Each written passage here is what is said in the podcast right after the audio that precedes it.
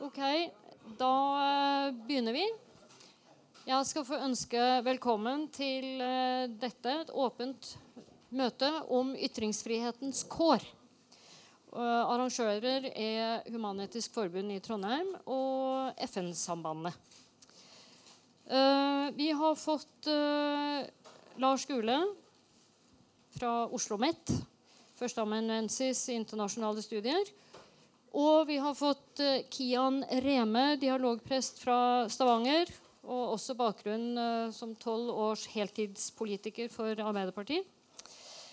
Uh, men før de slipper til, så skal Tor Arne Alseth fra FN-sambandet ha, ha, en kort innledning i anledning at faktisk vi står her og jubilerer. Vi jubilerer for at menneskerettighetene er 70 år. Uh, og det skal Tor Arne si litt mer om. Etter innledningene så blir det samtale mellom uh, innledere og selvfølgelig veldig åpent for innspill fra publikum. God dag, god dag. Eh, Tor Arne heter jeg, da, og jobben min går ut på å spre informasjon om FN og internasjonalt samarbeid. Og jeg har vært på to skoler i dag og snakka om menneskerettigheter i anledning menneskerettighetsdagen og 70-årsjubileet. Og så har jeg tatt på meg ei T-skjorte med artikkel nummer én. Det er ikke så lett å se det. Da. Der står det 'Alle mennesker er født frie og like i rettigheter og verdighet. Um, den er ganske gammel, krøllete og litt slitt, og egentlig føler jeg at det er litt betegnende i den tida vi lever i akkurat nå. Det er mye som skjer i verden. Men nå er det altså, i dag er det 70 år siden eh, erklæringa ble vedtatt. 1948 da var det 58 medlemsland i FN. 48 stemte for. Eh, skal vi se, hvordan blir det her da? Og åtte avsto fra å stemme. Og to var ikke til stede. tror jeg. jeg mener det var Jemen og Honduras. De gutta her vet det, tipper jeg. Eh, Sør-Afrika var en av de landene som ikke kunne stemme for pga. apartheidregimet. Alle var ikke født frie og like. Eh, det er lenge siden, men menneskerettighetsarbeidet har pågått uendelig siden da. Og man har fått konvensjoner som har kommet eh, med årenes eh, gang. Og på mange måter så kan en si at det har gått oppover menneskerettighetsarbeidet i ganske lang tid. Jeg hadde et møte med Jon Peder Egenes i Amnesty for en liten stund siden. og Han sa at liksom, vi har vært gjennom en lang periode hvor det føler at ting blir bedre. Men så har vi kommet til en periode nå som virker ganske utfordrende. Eh, som handler om statsledere. Mange, det er mange sterke menn. Eh, og ja, sterke menn er ikke bare bra. Eh, du har Orban i Ungarn, Bolsonaro nå sist i Brasil. Du har Putin, du har Erdogan, du har Trump. Og det er folk som ikke setter det internasjonale regelverket så veldig høyt. Som har helt andre prioriteringer, og det bekymrer meg personlig litt. Så jeg håper at, eh, Det er jo ytringsfrihet som er liksom hovedtema i dag, men jeg håper at uh, våre innledere kan si, komme noen betraktninger på det her òg. For, og forhåpentligvis eh, ta bort noen av bekymringene mine. når det gjelder ytringsfrihet, så er det jo sånn at det er flere journalister nå som fengsles enn noen gang. Og aktivister blir stempla som terrorister og blir også fengsla og torturert. Det er kommet noen tall nå som jeg ikke har i hodet, men som sier at situasjonen er verre enn på fryktelig lenge. Eh, og det er ikke bra. Eh, I Norge, når vi snakker om ytringsfrihet, så handler det om, egentlig om noe helt annet. når vi snakker om det som foregår i Norge i hvert fall. Der handler det om at folk som har uttalt seg og blir kritisert, påstår at sin ytringsfrihet er trua. Dette er min tolkning av mye av det vi ser i, i mediebildet. da. Eh, og Det er en helt annen diskusjon, men også en viktig diskusjon. For det er mye viktige prinsipper inn der. Da. Det håper jeg at, og tror jeg vi får noen gode betraktninger om i løpet av dagen. Eh, så da vil jeg si takk for at jeg fikk eh, komme og si noen få ord. Og så vil jeg ønske alle sammen en flott og informativ kveld.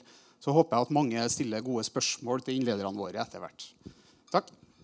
Jeg, I mellomtida, mens, eh, mens, han prøver å fikse dette, så vil jeg først få takke for en veldig utfordrende og spennende invitasjon til en viktig samtale. Eh, jeg kjenner jeg er litt novise i denne sammenhengen, tenker jeg. Dels fordi at, at Lars er altså førsteamanuensis og filosof og sånn. Og så vel òg fordi at dette er Human-Etisk Forbund. Og her kommer jeg. Jeg er jo prest. Jeg har den der snippen med meg, men stappet den i lomma av hensyn Nei, ja, ikke av hensyn til dere, men men, men jeg kjenner, jeg, jeg, er liksom på deres, eh, deres enemerker her på en måte. Og menneskerettighetserklæringens betydning for Human-Etisk Forbund er jo helt avgjørende og veldig sterk. Eh, det er omtrent som Det nye testamentet for meg. Eh, så, så, dette er altså på HEF sine, sitt område. og jeg kan jo også si at jeg gleder meg stort som dialogprest over et veldig godt samarbeid lokalt med HEF. Eh, de stiller opp i alle mulige dialogsammenhenger, særlig gjennom Samarbeidsrådet for tros- og livssynssamfunn. Og jeg oppfatter at selv om det er forskjeller mellom oss, så lærer vi ganske mye av hverandre og har altså um, glede av å jobbe sammen. Jeg skal si litt om makt. Jeg bare går i gang. så I mellomtida så ordner jo han det der. Eh, Takk for tilliten. Ja, ja. Eh, nei, gjennom dialogarbeidet så tror jeg jeg kan si at jeg har blitt mer bevisst på dette spørsmålet om makt. Og ikke minst den, den urettferdige eller ujevne fordeling av makt. Eh, for 204 år siden fikk Norge sin grunnlov, som i, i, var en av verdens mest radikale konstitusjoner. Eh, men den ga likevel bare stemmerett til 7% av den voksne befolkningen. Og på tross av Grunnloven så fortsatte undertrykkelsen av religiøse minoriteter og andre minoriteter. Men i forhold til, til livssyn så, er det ingen tvil om at undertrykkelsen av andre livssyn var ganske voldsom. Norge fram til 1814, og et godt stykke ut forbi 1814 òg, var faktisk et kongelig dansk-luthersk diktatur. Og Det var det Norge var fram til 1814. Det er ikke noen vits i å pynte på dette. Det var enevoldskongens tid. Eh, og kongen i, København fant det formålstjenlig, ikke minst av hensyn til statsfinansene, å gå over til lutherdom.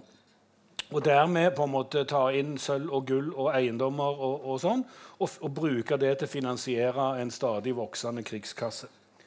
Statskirka ble formelt endra først i våre dager, og den prosessen er ennå ikke ferdig. Eh, den norske kirke har fortsatt stor makt som det suverent største trossamfunnet. Og Den norske kirke har med seg arvestykker fra statskirkeordningen som fortsatt trenger et kritisk søkelys. Og der bidrar HEF, og der bidrar ikke minst mange av de andre mindre livssyns- og trossamfunnene i Norge med et kritisk blikk på Kirka i den videre prosessen fram mot en, eh, en mer likestilt situasjon for tro og livssyn i, i, Norge. Eh, så er det altså sånn som ble sagt, På noen områder har vi sett at sentrale menneskerettigheter har fått, uh, har fått bedre kår gjennom de siste 70 årene. Altså, jeg synes Det er en interessant eh, refleksjon du hadde om akkurat det. Eh, og det at det, det, Vi liksom har kommet opp ganske høyt på mange områder, og så har det vært et fall den siste tid. Du refererer til de sterke menn. Eh, noen av disse sterke mennene har ført kriger, som bl.a. i Irak har ført til at eh, stat, statsbærende, de statsbærende institusjonene har kollapsa.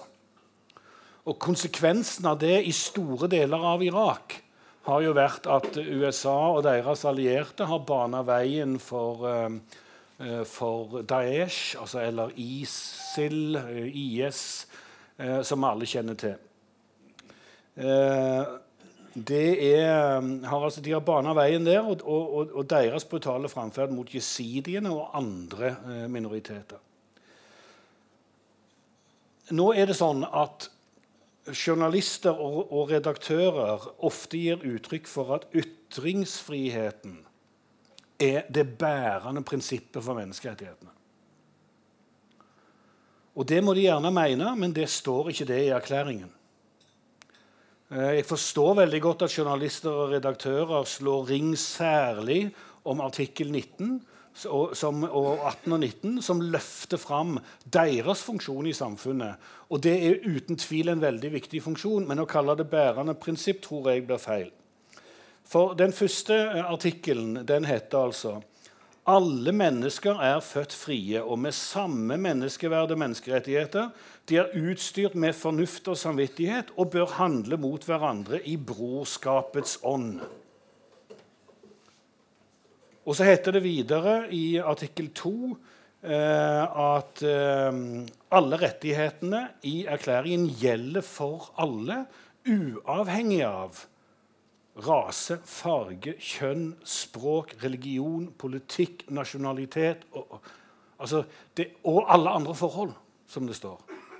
Altså en totalt egalitær tenkning om at alle har de samme rettighetene.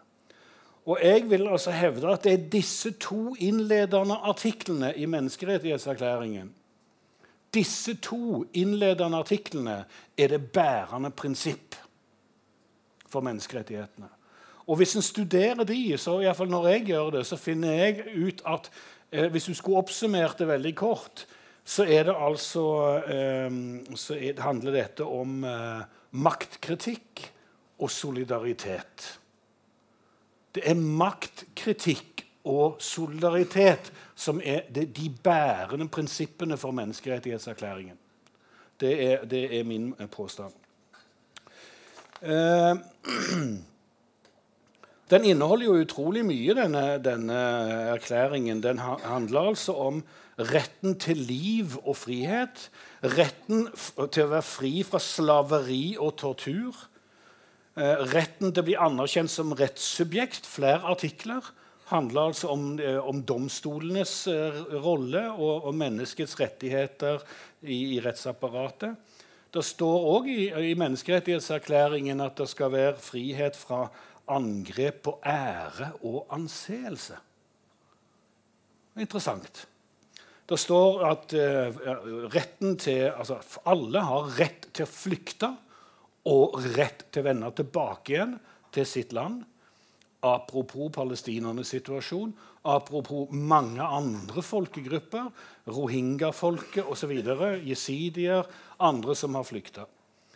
Og så har vi altså retten til å stifte familie, det eiendomsretten. Og så kommer disse sentrale artiklene vi snakker om i 18 og 19. Tanke-, samvittighets- og religionsfrihet. Menings- og ytringsfrihet og umiddelbart etter det organisasjonsfriheten. Eh, retten til å danne fagforeninger, retten til å ha ferie. En menneskerettighet. Ferie er en menneskerettighet. Eh, retten på undervisning og kultur, sosial og internasjonal orden. Og så er det noen plikter og begrensninger som jeg kommer litt tilbake til. Eh, når det gjelder selve ytringsfriheten, så lyder altså artikkel 19 Enhver har rett til menings- og ytringsfrihet. Denne rett omfatter frihet til å hevde meninger uten innblanding og til å søke, motta og meddele opplysninger og ideer gjennom ethvert meddelelsesmiddel og uten hensyn til landegrenser.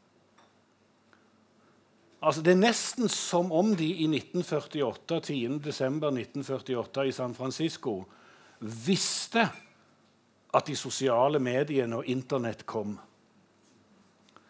Eh, men det er altså en veldig viktig del av, av, dette punktet.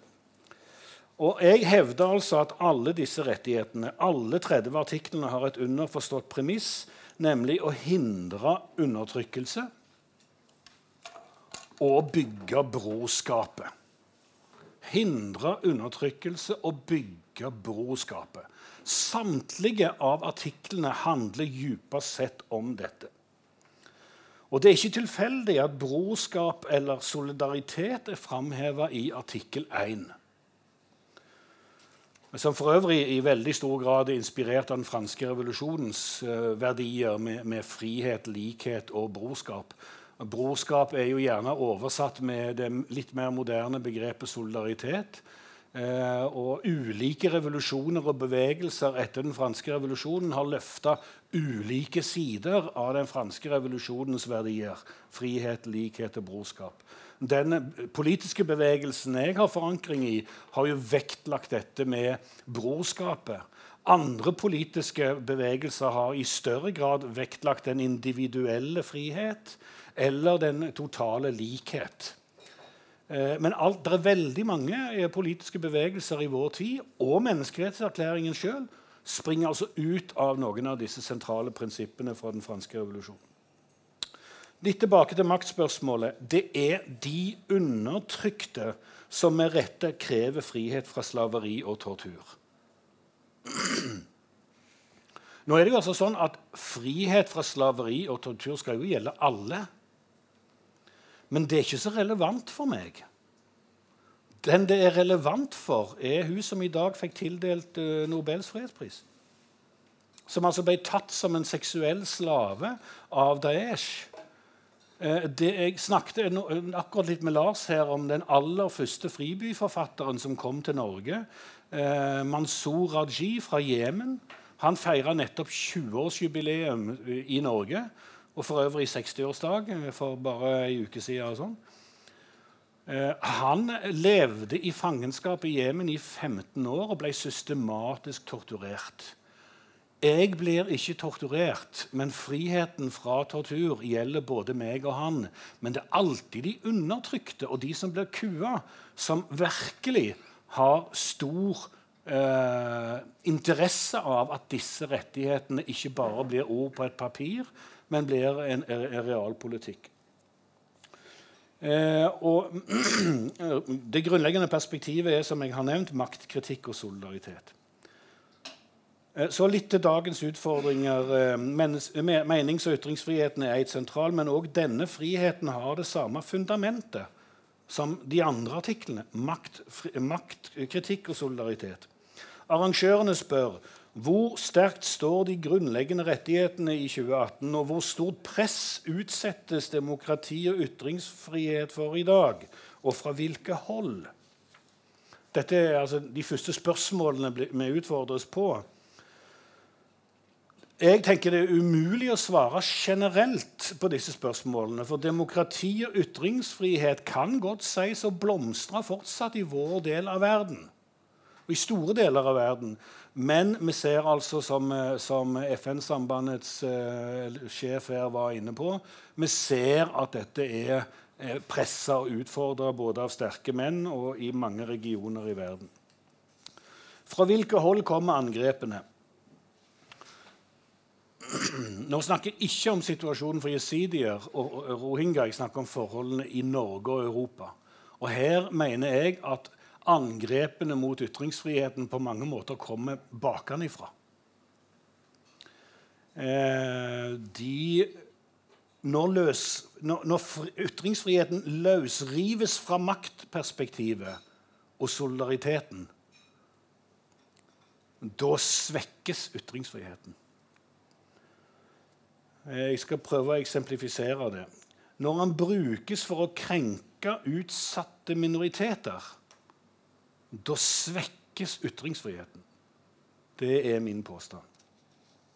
I mellomkrigstida var Europas utsatte jødiske minoriteter under et voldsomt press. De var bl.a. utsatt for krenkende karikaturer. Nå som vi kjenner det meste av fasiten av hva som skjedde i Europa, så tror jeg de fleste vil være enige i at disse karikaturene var sterkt kritikkverdige. Sterkt kritikkverdige. De ble publisert både av nazistiske publikasjoner og av det vi kan kalle for demokratiske publikasjoner, altså vanlige aviser. Og disse ble publisert ikke bare i Nazi-Tyskland, men de ble publisert i, eh, i Frankrike, i England eh, og mange andre steder. I USA Eh, mellomkrigstida inneholdt en slags, det var en sånn internasjonal tendens på krenkelse av jødiske de jødiske minoritetene. Konsekvensene som altså handler mye om å forflate satire, en legitim satire, til sjikane. Eh, konsekvensene ble uansett, uansett, det motsatte av det som ble menneskerettighetserklæringens fundamentale maktkritikk og solidaritet. Disse karikaturtegnernes rett til å ytre seg Nå snakker vi fortsatt om 30-tallet. Men disse karikaturtegnernes rett til å ytre seg må måles opp mot objektenes behov for beskyttelse, for vern og solidaritet mot maktens venn. Så noen ord om den absolutte ytringsfrihet. For det er en underlig seigliva myte, nemlig at ytringsfriheten i Vesten er absolutt, eller bør være absolutt. Eh, mediekommentatoren Sven Egil Omdal altså fra Aftenbladet, som har stadig brukt Han er jo en av de få innenfor medieverdenen som helt systematisk har et kritisk perspektiv på mediene. Han er en slags varsler. Og Han holdt et foredrag i Stavanger for ikke så lenge siden hvor han sa bl.a. dette. Pressefriheten er totalt avhengig av ytringsfriheten, men likevel ikke identisk med denne. Pressefriheten har et klart formål. Pressefriheten utøves under et etisk ansvar som skal hindre det som kan skade. Journalistikk skal være godt for noe. Det foregår nesten ingen diskusjon om hvilken type ytringsfrihet vi først og fremst bør beskytte. Det er nemlig ikke selvsagt. Når ytringer begrenser andres frihet og skader andres livskvalitet, er pressens oppgave å forsvare den angrepne, ikke å rydde vei for angriperne.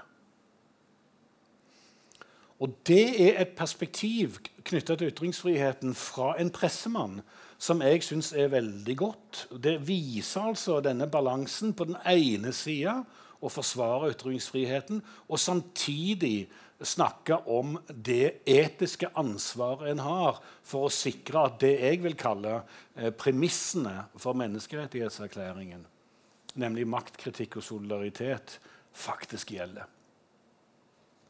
I pressens Vær varsom-plakat i det første kapittel så blir også hyllesten av ytringsfriheten umiddelbart fulgt av en påminnelse om at det er pressens oppgave å beskytte enkeltmennesker og grupper mot overgrep.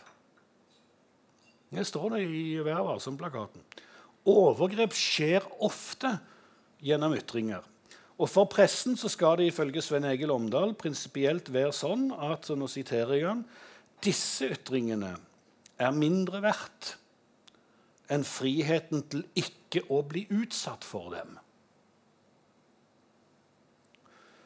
Det er en del som spør ja, men sensur, skal vi godta sensur. En debatt jeg var på i Stavanger om dette, hvor en redaktør eh, var til stede, han snakket om den absolutte ytringsfrihet og, og på en måte en, selvfølgelig et nei til enhver form for sensur.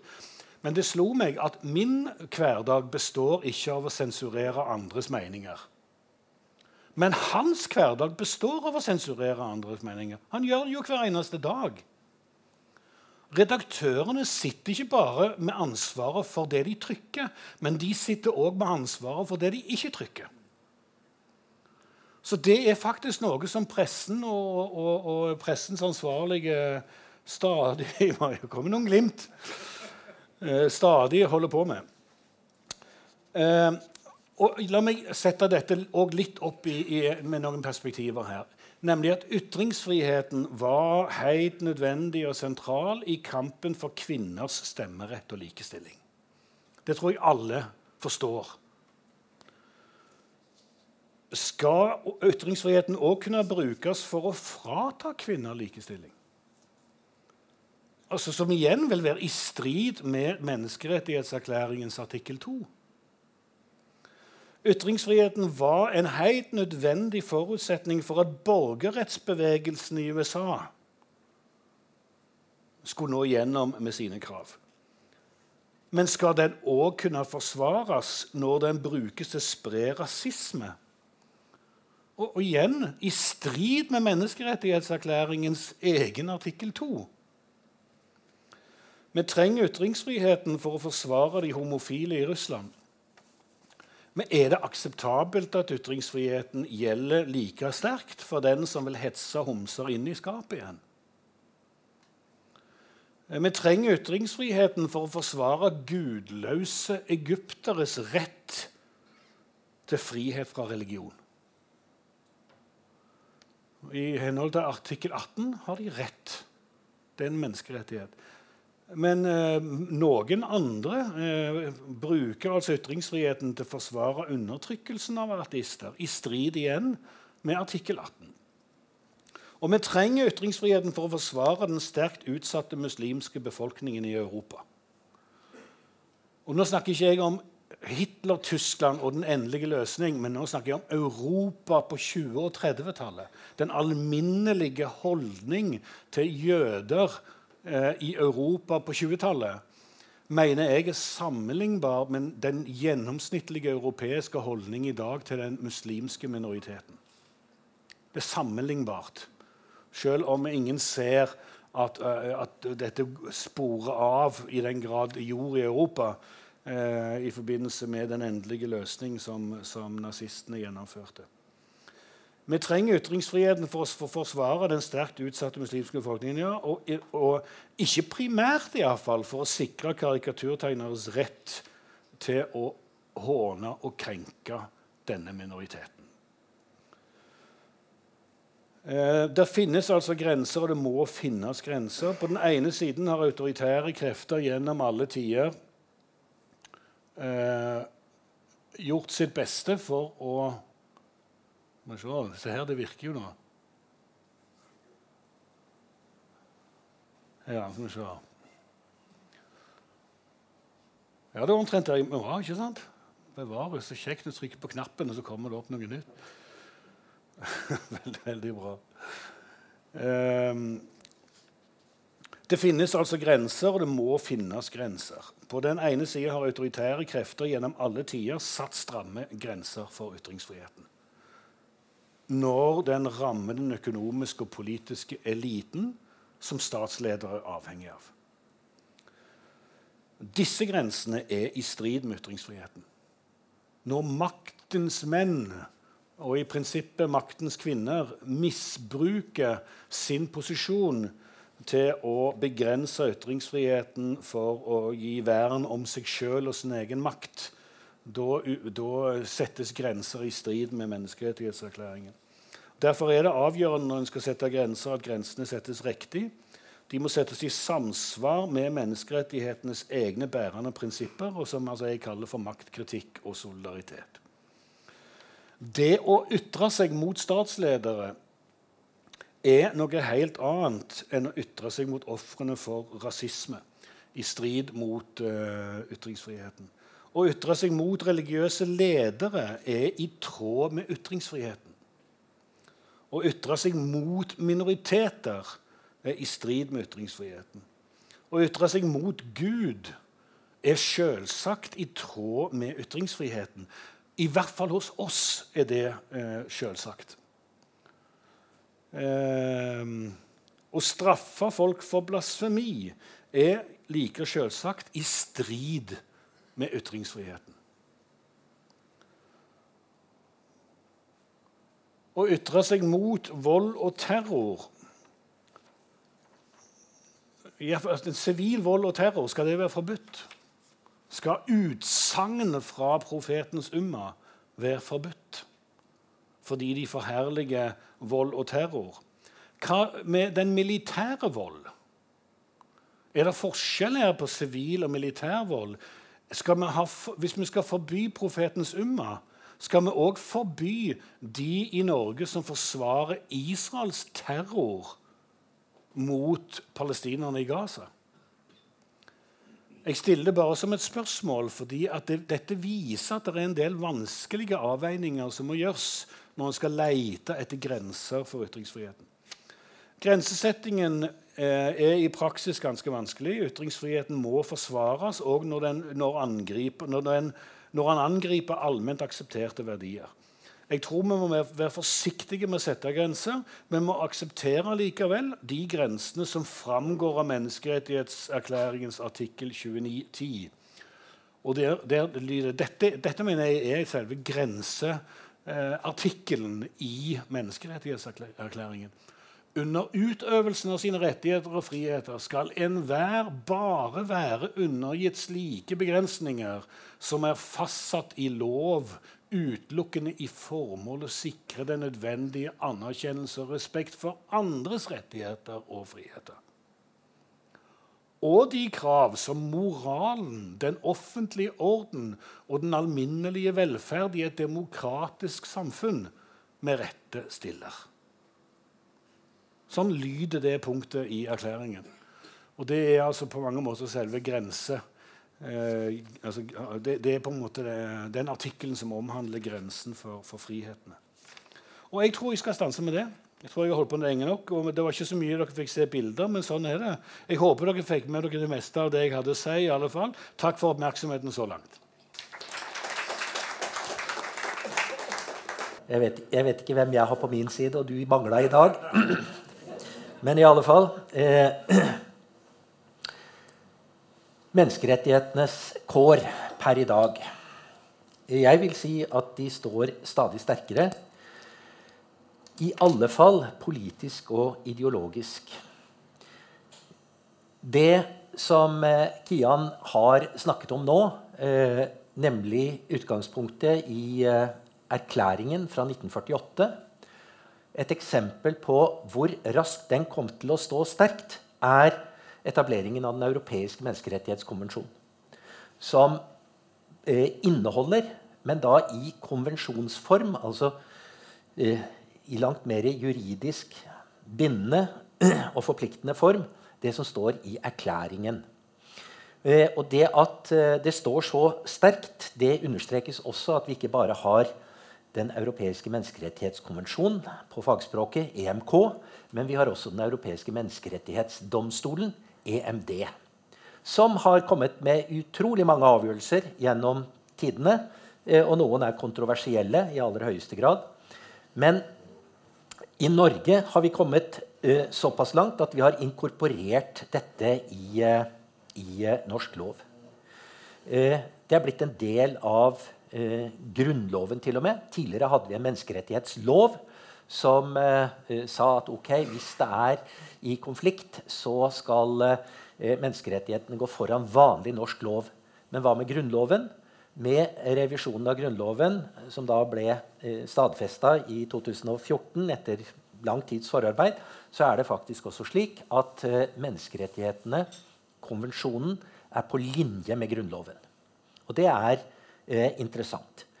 Det er også et viktig poeng som mange bestrider, nemlig at menneskerettighetene er universelt gyldige. Det er en lang og interessant og filosofisk diskusjon. Stadig er det en del som vender tilbake til at dette er en vestlig oppfinnelse.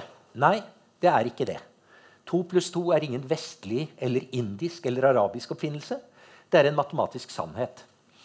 Litt mer komplisert med menneskerettigheter, men de, det kan argumenteres godt for at de er universelle. Det er dog ikke det samme som at de blir globalt respektert. Det er det dessverre langt ifra.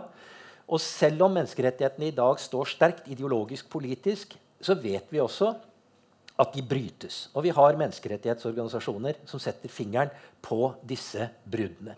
Det betyr at vi har en kontinuerlig kamp for menneskerettighetene. Det er faktisk nødvendig. Og hvorfor? Og hva er hensikten? Eh, og det som ble sagt her om Det er vel ikke artikkel 1, men det er det såkalte preambelet til menneskerettighetserklæringen som slår fast at alle mennesker er født like i verdighet og rettigheter. Og det er poenget. Menneskerettighetene er til for å beskytte menneskeverdet. Mange lurer på ja, men hvorfor har vi det, menneskerettighetene, og hvor mange har vi for øvrig. Ja, Vi har nå uhorvelig mange konvensjoner, men hvis vi teller opp og En kollega av meg har gjort det, og han kom til litt avhengig av hvordan man teller, så har vi 41 eller 42 grunnleggende menneskerettigheter. Det er det de omfatter. Men så er de nedfelt i ulike konvensjoner. Og det er en utfordring at Hvis vi får for mange konvensjoner, så kan plutselig formuleringene begynne å komme i strid med hverandre. Og da får vi utfordringer. Samtidig så har altså FN bl.a. på sin store konferanse i Wien i 1993 fastslått at menneskerettighetene er et udelelig hele. Ja, hva betyr det? Du kan jo si at det er jo bare floskler.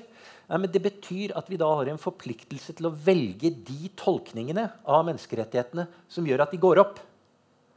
Det betyr at har du en rett til religionsfrihet, og din religion sier at kvinner er sekunda vare, skal tie forsamlingen, så har du rett til det. Det betyr ikke at du har rett til å ofre jomfruer hvert sjuende år for å sikre god nedbør. Der går det en absolutt grense ved retten til liv. Men du har lov til å mene og argumentere for at kvinner er mindreverdige. Hvis kvinner ikke ønsker å være med på det, så har de en exit option. Det er det religionsfrihet betyr også. Da kan de melde seg ut og etablere Den norske kirke for likestilling av menn og kvinner. Det er måten vi får dette til å gå opp på. Ett eksempel på hvordan vi kan få dette til å gå opp. Så sier noen ja, men barn har også livssynsfrihet. Helt riktig. Fastslått i Barnekonvensjonen. Hvem forvalter barns livssynsfrihet? Det er det faktisk foreldrene som gjør. Derfor har foreldre rett til å oppdra sine barn i kristentro, i islam, jødedom, humanisme. Hvis de så ønsker. For det er ingen andre enn foreldrene som kan gjøre noe med det. Eller skal gjøre noe med det. Og si at ja, men barn har religionsfrihet, så derfor skal ikke foreldre Ja, hva skal ikke foreldre gjøre? Ikke be aftenbønn, ikke ta dem med i kjerka, ikke i moskeen. Unnskyld meg.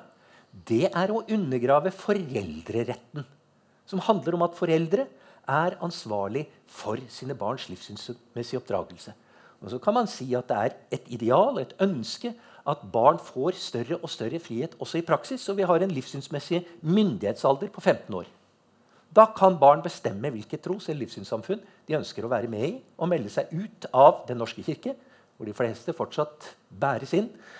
Og mange venter til de bæres ut. Men der har man faktisk etter 15 år anledning til å bestemme sjøl hva man vil gjøre. Det blunker og blinker noe ganske forferdelig her, men eh, eh vi får se. Jeg skal ikke si så veldig mye mer om menneskerettighetssituasjonen generelt. Jeg syns eh, Kians bakgrunn her er helt utmerket som en beskrivelse av den situasjonen. Men jeg skal også fokusere på ytringsfriheten og ytringsfrihetens kår. For det første, ytringsfriheten er opplagt sentral. En sentral menneskerettighet, men jeg går ikke med på at det er en sånn spesialrettighet som er viktigere enn alle andre rettigheter, slik noen påstår. Særlig da journalister, forfattere, andre som bruker det frie ord. De er selvfølgelig og naturlig nok opptatt av ytringsfriheten. Men den er en integrert del av menneskerettighetskatalogen. Den står ikke i en særstilling, men det er faktisk en viktig del av den menneskelige frihet. Å kunne ytre seg er selvfølgelig viktig, på samme måte som muligheten til å bevege seg, organisere seg, skifte jobb, reise mellom land osv.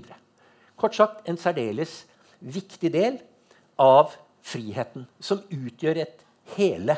Den menneskelige frihet er et hele. Og religionsfriheten er en form for ytringsfrihet. Mange gjør da ytringsfriheten til den viktigste.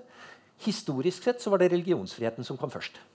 Det var den første menneskerettigheten som ble skikkelig etablert i en europeisk kontekst. Eh, og det skjer etter at vi hadde religionskrigene i lange baner, og fyrstene innså vi jeg kan ikke slå i hjel mine katolske underordnede, og protestantiske prinser og fyrster skjønte at de kan ikke slå i hjel eh, alle sine, eh, sine katolske osv. Kort sagt, til å begynne med så ga man religionsfrihet som et privilegium. Dere kan tro hva dere vil, bare dere holder kjeft og gjør det innenfor hjemmets fire vegger. Og Derfor så hadde du sånne hemmelige tilbedelse og gudsdyrkelse osv. Etter hvert så ble det en rettighet, ikke et privilegium, gitt av fyrsten. Men det ble rett og slett en rettighet fordi man innså at man kan ikke blande seg bort i hva den enkelte tror. Og det den enkelte tror, det er noe den enkelte har anledning til å gi uttrykk for innenfor rammer. Eh, Kian viste til artikkel 29.2, eh, som sier at alle fri- og rettighetene våre har noen grenser. I Den europeiske menneskerettighetskonvensjonen så er det litt snevrere. Men på mange måter, og hvis dere ser disse formuleringene, så ser dere at staten alltid sikrer seg en bakdør. Det skal altså sikre samfunnsmessig orden. Eller man kan altså ikke gjøre noe, man kan ikke bruke sine rettigheter på en måte som forstyrrer den samfunnsmessige orden eller moral. Og det er en ganske vid sekkekategori. Heldigvis, Den europeiske menneskerettighetsdomstolen be begrenser seg til det siste punkt. Er de begrensningene som legges på de ulike menneskerettighetene, nødvendige i et demokratisk samfunn? Det er kriteriet de vurderer etter. Og det er et mer substansielt kriterium enn en hvilken som helst moral. Skjønt Den eh, europeiske menneskerettighetsdomstolen er dessverre på glid her eh, også. Men det er opplagt at ytringsfriheten altså er sentral for livssynsfrihet og politisk frihet. Og slik sett så er ytringsfriheten eh, Eller ytringsfriheten innebærer på mange måter at demokratiet er den logiske styreformen i et samfunn basert på menneskerettighetene. Og uansett så vil, så vil, ytringsfriheten være en forutsetning for at du skal kunne ha et demokrati hvor folkets representanter kan stilles til ansvar. For det første må vi ha ytringsfrihet for at de skal kunne klargjøre sine standpunkter. Når de da bruker for masse penger på festing eh, for seg sjøl, og bevilger ekstra høye lønninger, skaffer seg sjøl privilegier, så må vi ha ytringsfrihet for å kunne kritisere det, for å kunne spre et budskap om at disse ikke er vår tillit verdig, kunne velge andre representanter i neste omgang. Men alle våre rettigheter har eh, grenser. Eh, nå får dere det ikke opp her. Eh, denne artikkel 29.2 formulerer dette litt omstendelig. Den enkle formuleringen av dette er at ingen skal bruke sine rettigheter til å krenke andres rettigheter. Eller sagt på en annen måte mine rettigheter slutter der dine rettigheter begynner. Og Hvis vi nå tenker tilbake til det jeg sa innledningsvis om hvorfor vi har menneskerettigheter De skal beskytte menneskeverdet. Kort sagt, du kan ikke bruke dine rettigheter til å krenke noens menneskeverd eller innskrenke noens grunnleggende rettigheter. Og Det betyr også at ingen kan påberope seg en ytringsfrihet til å ytre seg på menneskeverdskrenkende måter. Der går ytringsfrihetens overordnede prinsipielle grense. Og så har vi konkretisert dette. For mange sier den er absolutt. Tull og tøys. Jeg vet ikke hvor mange det er som jobber i helsevesenet her. Da vet de at det er en lovpålagt taushetsplikt. Ta et eksempel. For en del år siden så fortalte Kjell Magne Bondevik at han hadde fått et nervøst sammenbrudd og blitt sykemeldt om han ikke var innlagt på psykiatrisk institusjon for en kortere periode. Det er en privat opplysning. Hadde ikke han valgt å gå ut og opplyse om dette sjøl, så var det ingen andre som hadde rett til å offentliggjøre den opplysningen. Ingen andre. Og så kan man si ja, men kjære vene, vi må jo vite om statsministeren vår har blitt sprø eller ikke. Det er av offentlig interesse. Akkurat. Da har vi et dilemma. Da har vi et dilemma. Men regelen er ganske klar. Så lenge en person ikke ønsker at den typen private opplysninger, medisinske opplysninger, blir offentliggjort, så er det ingen som kan sette det til side. En klar grense. En stortingsrepresentant fra dette nå nye fylket gjorde noe morsomt i en åker for en del år tilbake.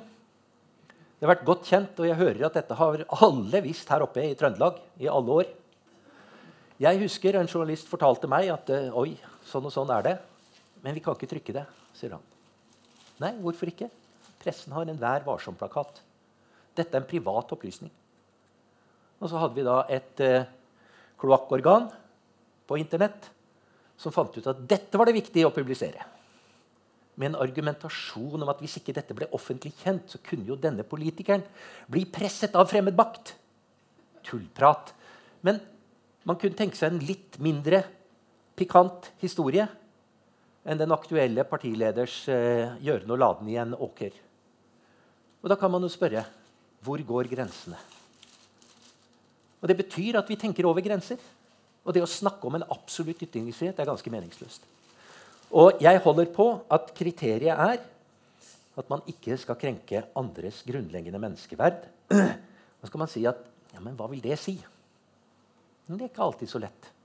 Men har vi ikke, har vi ikke prinsippet klart, har vi ikke det overordna prinsippet klart, så klarer vi heller ikke å anvende det i konkrete situasjoner. Vi trenger overordna regler og prinsipper rett og slett for å veilede oss når vi skal fatte konkrete beslutninger. Det er det menneskerettighetene også kan brukes til på en god måte. Og da vil jeg si litt om, og her hadde det vært veldig fint hvis dette hadde fungert, men dere får prøve å følge med. Fordi dette er et, syns noen, kanskje litt finurlig filosofisk resonnement. Men vi filosofer tillater oss noen ganger filosofiske resonnementer. Å få sitt menneskeverd krenket er ikke bare en subjektiv opplevelse. Det er faktisk, Hvis vi går tilbake til uh, jussen og klassisk injurielovgivning, så kan man ha ulike opplevelser, personlige opplevelser av selve injurien. Hva betyr en injurie? Jo, det betyr jo å skade. Injury. Og det er det gode navnet og ryktet. Altså i overordnet forstand ditt menneskeverd som blir skadelidende. Og det er som sagt, Selv om den enkelte kan ha sin personlige, emosjonelle opplevelse av dette, så er selve krenkelsen ikke subjektiv. Den kan konstateres som et brudd på menneskerettighetene, f.eks. Og en slik menneskeverdskrenkende eh, opplevelse er det samme som å få en begrensning på sine rettigheter. Og så blir det viktig, og det er her det er vanskelig for noen å følge med Men det er forskjell på å krenke, såre, støte eller å provosere. I noen sammenhenger så er dette faktiske synonymer, men ikke i alle. Så Derfor er det viktig å stille et spørsmål når noen påberoper seg en krenkelse, eller noen sier at nå har han, hun blitt krenket, eller den gruppa blitt krenket, spør hva er det som krenkes? Hva er det som krenkes? Er det menneskeverdet? Er det grunnleggende rettigheter? Er det den fysiske integriteten? Blir du slått til, så krenkes du. Det er en menneskeverdskrenkelse. Eller er det følelser? Er det følelser du sitter der og har en opplevelse av at har blitt krenket? Og Derfor så bør man spørre videre er det mulig å såre menneskeverdet. Er det mulig å såre menneskerettigheter? Den fysiske integriteten? Dere hører med en gang at det, det lyder ikke godt på norsk. Det, noe, det er noe som skurrer. Rent språklig gir ikke det god mening. 'Du har krenket mine følelser.' Oi, perfekt. Det er det samme som å si 'Du har såret mine følelser'. Synonymiteten er praktisk talt en identitet. Men hvis noen påberoper seg at det er mitt menneskeverd du har så... Nei, det går ikke. Det er mitt menneskeverd du har krenket. Ja, det gir god mening. Med andre ord vi har en relevant distinksjon på det å såre og krenke, som altså kan være synonymer i mange sammenhenger, men ikke behøver å være det i alle sammenhenger. Derfor foreslår jeg et skille mellom et språklig skille hvis vi ønsker å snakke tydelig. Og det er vi filosofer opptatt av at folk gjør. Vi prøver å gjøre det sjøl, og vi oppfordrer folk til å gjøre det. Og derfor å krenke menneskeverd og såre følelser. Lage en distinksjon mellom disse eh, uttrykkene. Så får poeter og så får diktere få lov å bruke språket på alle de mangfoldige måtene de vil. Men vanlige folk i fornuftige samtaler, politikere ikke minst filosofer, bør etterstrebe språklig presisjon. Og da er denne distinksjonen mellom å krenke menneskeverd og å såre følelser faktisk viktig. Og grunnen er at det første ikke skal tolereres. Vi skal ikke akseptere, vi skal ikke leve med, vi skal ikke holde munn når noen får sitt menneskeverd krenket. Da skal vi faktisk protestere. Men sårede følelser er vi nødt til å leve med. Det vet enhver som har vært ulykkelig forelska. Og hvem har ikke det? Det er ingen menneskerett å få sine følelser gjengjeldt. Det går bare ikke. En uheldig bemerkning fra en kollega, ment som en spøk. Oi, den traff, gitt. Men han eller hun visste ikke at du hadde fått en kreftdiagnose i går. Eller at noen nærstående nylig døde, osv. Med andre ord, Det var ikke engang intendert som å såre deg. Men det var slik du opplevde det. Og det er ganske uunngåelig. Men det er ikke det samme som at du har fått dine grunnleggende rettigheter eller ditt menneskeverd krenket. Derfor er det tull når folk sier vi må bare krenke i vei disse muslimene til de blir ferdig krenka, for kristne har jo blitt krenka til alle tider. Det er helt sikkert slik at mange har blitt krenka, men det er ikke det det handler om når vi snakker om karikaturer, når vi snakker om religionskritikk. Noen vil bli såra og støtt, provosert. For noen er det til og med sårende, støtende og provoserende å vite at her står det en ateist og snakker. Det finnes ateister i verden. En forferdelig provokasjon for en del religiøse mennesker. So be it. Den personen kan være så såra, støtt, provosert han eller hun vil. Det betyr ikke at jeg har krenket vedkommendes menneskeverd. Altså må vedkommende leve med sine såre følelser. Men hvis jeg skulle si at muslimer er undermålere med lavere IQ og fullstendig meningsløse oppfatninger som ikke får bygge moskeer i Norge, da krenker jeg menneskeverd. Da innskrenker jeg religionsfriheten. Det er uakseptabelt. Og selv om jeg ikke er muslim, så forsvarer jeg muslimers rett til å ha sin tro, også i ganske ekstreme utgaver. Bruke hijab jeg misliker det. Det er et kjønnssegregerende plagg. Men krenker det meg og min, mitt menneskeverd og mine rettigheter at en kvinne bruker et skaut på hodet? Nei, det gjør ikke det. Derfor må vi faktisk stille opp og forsvare muslimske kvinners rett til å bære hijab. Men hva er da sammenhengen her? Hvorfor er det slik at vi blander disse tingene? Jo, fordi at krenkelser ofte vil føre til såre følelser. En rasistisk ytring sårer selvfølgelig den som blir utsatt for den. Helt opplagt, i tillegg til å være en krenkelse. Men den subjektive opplevelsen av å bli såret den kan variere. Og det er greit nok. Noen sier 'ha-ha, bryr meg ikke om det'. Tåpelig rasist. Men krenkelsen er et objektivt faktum. Derfor så tror noen at fordi at noen kanskje ganske mange, opplever såre følelser som en følge av å ha blitt krenket, så kan man snu det og si at ja, men såre følelser er et bevis på at her har det foregått en krenkelse. Men nei, slik er det ikke. En krenkelse kan føre til sårede følelser. Det er en rimelig implikasjon, og forståelig sådan. Men sårede følelser er ikke alltid noe bevis på en krenkelse, og vi kan derfor ikke si at sårede følelser er lik en krenkelse. Kort sagt, implikasjonspilen går ikke begge veier. Og vi kan ha såre følelser uavhengig av om en krenkelse har funnet sted, nettopp fordi vi såres av så mye. Og fordi menneskeverdskrenkelser skal unngås, så mener jeg at det som kalles no platform, eller scenenekt, er riktig overfor personer, grupper, som krenker andres menneskeverd. Og dette her er interessant. Det riktige, eller begrunnelsen for en slik eh, no platforming eller scenenekt for de som krenker, er at de innskrenker ytringsfriheten for andre. En ting er at de krenker andres grunnleggende menneskeverd, men de vil også ofte innskrenke ytringsfriheten for andre. Ved ja, noen ganger ved å si at du har ikke rett til å ytre deg. Eh, eller gjennom ytringer som innebærer at, som har en såkalt chilling-effekt. At man ikke vil at andre skal få ytre seg ved at de krenkende ytringene også kan omfatte trusler. Eksempel. trusler er åpenbart menneskeverdskrenkende.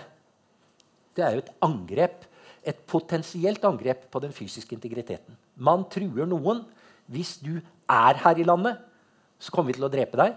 Altså Man forsøker å skremme folk til å reise eller ikke komme hit.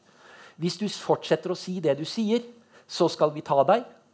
Det er jo åpenbart et forsøk på å kneble folk. Kort sagt, etter min mening har arrangører ikke bare en rett til, men de har en moralsk plikt til å vurdere med hvem man vil invitere i ulike sammenhenger. Og Her begynner det å bli også interessant så vel som problematisk. Fordi dette handler om å bidra til å legitimere menneskeverdskrenkende posisjoner. Jeg møtte denne utfordringen i 2011, etter 22.07. Da var jeg invitert til å være med på et seminar. Det var faktisk et åpent møte, en panel, samtale, diskusjon i regi av Universitetet i Bergen. Senter for tverrfaglig kvinneforskning, var det vel det het.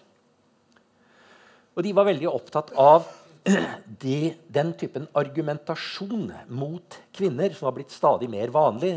Biologisk argumentasjon, og at menn og kvinner er så forskjellige at de kan ikke ha like rettigheter osv. Og I dette panelet så hadde de også invitert en kar, daværende student, faktisk studerte latin på Universitetet i Bergen, som var en såkalt uh, incel. Involuntary celibate. Han hadde en blogg hvor han skrev om hvor forferdelig den eh, feministstaten var. Kvinner burde voldtas. De sitter på all såkalt seksuell kapital. Burde ikke ha anledning til å protestere mot at menn tok seg til rette. Og han skriver rett ut om sine egne seksuelle frustrasjoner at hadde ikke han fått seg en kjæreste, og det hadde han da fått ganske nylig, så hadde han gått ut på gata og skutt den første politimannen han så. Men så kom Anders Behring Breivik og viste hva skikkelige vikinger var laga av. Da jeg satt og skulle forberede meg til dette møtet og leste igjennom bloggen, så var jeg allerede kommet til Bergen. Dette var kvelden før, og jeg lurte på hva pokker. Skal jeg sitte i panel med denne åpenbare kjønnsfascisten? Jeg valgte å si 'sitte der'. Men jeg mente at det var galt at han var invitert i dette panelet. Og sa dette under møtet. Og da, jo, nei, men det var, det var, så viktig nå at vi fikk fram alle disse stemmene. Og det var viktig å høre denne typen forferdelig argumentasjon, slik at man kunne argumentere imot. Viktig å argumentere imot. Jeg syns vi skal diskutere nazisme. Det er ikke nødvendig å ha Hitler i panelet. Vi vet veldig mye om nazismen, og vi vet veldig mye om hva denne karen mener, det var å lese på bloggen hans. Han hadde ingenting i det panelet å gjøre. Invitert av og dermed gitt legitimitet av Universitetet i Bergen til å sitte der. Det burde de aldri ha gjort. Et år etterpå ble han arrestert av politiet. Satt i fengsel. Fordi han, politiet mente at han hadde truet offentlig tjenestemann. Og så skjedde det uhyre interessante at saken, eh, varetektsfengslingen, ble anket. Eh, og han ble fortsatt holdt i varetekt av lagmannsretten. Så blir den anket til Høyesterett. Og så sier Høyesterett dere har ingen sak. Han har ikke gjort noe galt. Det er ingen trussel. Hvorfor ikke det? Han har framsatt den på Internett. I Grunnloven og i norsk straffelov av 1902 så henvises det til det som er framsatt enten muntlig for en større forsamling eller i trygt skrift. Og Internett er ikke trygt skrift. Så han ble løslatt, saken glemt. Og så forandret man loven brennfort. Faktisk virkelig fort. Men det gjorde man fordi man allerede hadde bestemt at ytringer er plattformuavhengig. Det betyr at det er helt uavhengig av hvilket medium du bruker. og Mange har ennå ikke forstått dette, men dette var forberedt i den nye straffeloven, som ble vedtatt i 2005, men ikke implementert før i 2015. Eh, eh, men man flytta da paragrafen, eller det man hadde bestemt i den nye straffeloven, inn i straffeloven av 1902. Slik at nå har vi i lengre tid hatt en plattformnøytral ytringsfrihetsbegrensning. Trusler som framsettes, eller hatefulle ytringer, rasistiske ytringer som framsettes, dersom de er i stand til å nå mer enn noen mennesker, og så har man valgt da i forarbeidene, og så sier man ca. 20. Så det betyr du kan være på en hemmelig gruppe på Internett. Hvis den gruppa har mer enn 20 medlemmer, så er ytringen offentlig framsatt, og du kan holdes strafferettslig ansvarlig for det du der måtte ha ytret. Mange tror at Facebook ja, men der er det fritt fram. Feil. Man kan holdes strafferettslig ansvarlig for det som finnes der. I denne forbindelse så er det nettopp viktig å være klar over at mens arrangører slik som arrangørene her i dag, og som gjør sin vurdering av hvem de vil invitere til samtale, til diskusjon osv., de kan gjøre hva de vil. De kan si 'Vi vil ikke ha deg her. Vi vil ha dere her.' Og det er helt i orden. Staten kan ikke gjøre det samme. Staten kan ikke si altså, Her kan FN-sambandet si vi vil ikke ha den og den, for vedkommende har uttalt seg rasistisk. vedkommende har framsatt sånn og sånn. Dette ønsker ikke vi å bidra til å spre, formidle, legitimere. Det kan ikke staten si. Hvorfor ikke? Fordi sensur Og her en viss nyansering i forhold til det Kian sa. Det er bare staten som rent juridisk kan drive sensur. Og sensur er forhåndskontroll av ytringer. Og den sensuren opp, har vi opphevet eh, med noen få unntak. Den siste opphevelsen, som stadig vekk bare er delvis, det er filmkontrollen. Vi hadde altså filmsensur tidligere. En del av dere vil huske morsomhetene da Life of Brian ble stoppet. Den ble stoppet av filmsensuren med henvisning til den daværende blasfemiparagrafen som vi hadde i straffeloven. Det var sensur. Og det var unntaket fra forbudet mot sensur. Og det unntaket fins fortsatt i paragraf 100. Det som kan forderve ungdommen av film, bilder, det kan man altså sensurere. Faktisk. Men andre ting skal ikke staten sensurere. Betyr det at staten da bare må akseptere det som blir sagt? Nei. Dersom noen arrangerer en demonstrasjon på offentlig gate og torg, og det kan hvem som helst gjøre Og man skal ikke søke politiet om tillatelse. Mange tror det. Det skal man ikke. Man skal melde fra til politiet om at nå skal vi ha en demonstrasjon, og skal politiet passe på at dette går ordentlig for seg. Det er ingen søknad om å avholde demonstrasjoner lenger. Men hvis da noen, den nordiske motstandsbevegelsen, stiller opp på torget her og begynner å uttale seg rasistisk, så kan de anmeldes og straffeforfølges i ettertid for det de har ytret. Den muligheten bruker politiet for lite. De burde mer systematisk videodokumentere de ulike arrangementene når demonstranter med ekstreme oppfatninger og velkjente ekstreme oppfatninger kommer for å markere seg. Og så kan man si at ok, nå gikk du over grensa. Dere kan si mye, men det kan du faktisk ikke si. Det er straffbart. Og per i dag er eh, straffen for rasistiske ytringer det ligger på eh, ja, det er vel 15, mellom 15 og 30 000 kroner i bot. Eh, og ved gjentagende eh, hendelser så kan man altså eh, eventuelt skjerpe straffen. Kort sagt en straffeforfølgelse i ettertid av ulovlige og her snakker vi om ulovlige ytringer, for da er dette allerede regulert i loven. Et eksempel på hvordan vi har prøvd å etterleve menneskerettighetene, er eh, nåværende 100 og, I nye straffeloven så er det vel paragraf 183, hvis jeg husker riktig. I gamle dager så var det 135a, rasismeparagrafen. Den kom inn i den gamle straffeloven vår etter at Norge på midten av 1960-tallet underskrev konvensjonen til eliminering av alle former for rasisme. Da forpliktet den norske stat seg til å straffeforfølge rasistiske ytringer og faktisk også forby rasistiske organisasjoner. Det siste har vi ikke gjort. Men vi fikk altså inn i straffeloven et krav om eh, eller et forbud mot rasistiske ytringer. Dette har blitt utvida til hatefulle, krenkende ytringer på bakgrunn av såkalt rase, etnisk opprinnelse, eh, seksuell, seksuell legning og livssyn.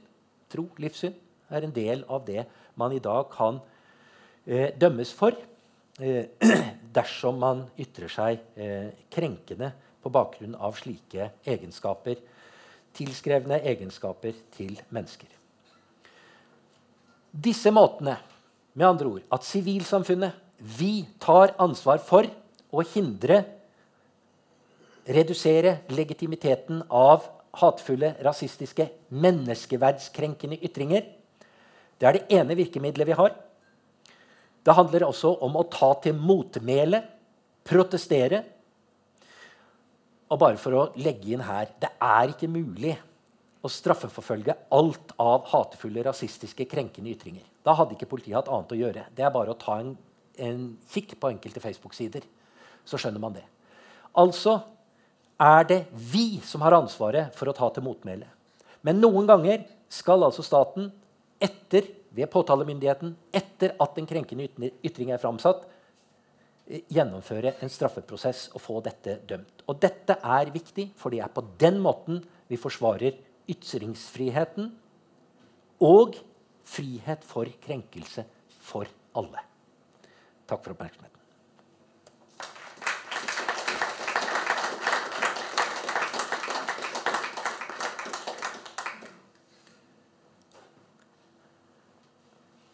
Da må noen styre ordet her. Jeg vet ikke om vi skal stå her eller sitte der. eller uh, hva dere tenker dere. Jeg skal bare forte meg å slå av her, i hvert fall.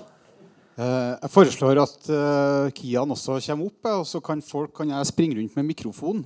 Mm.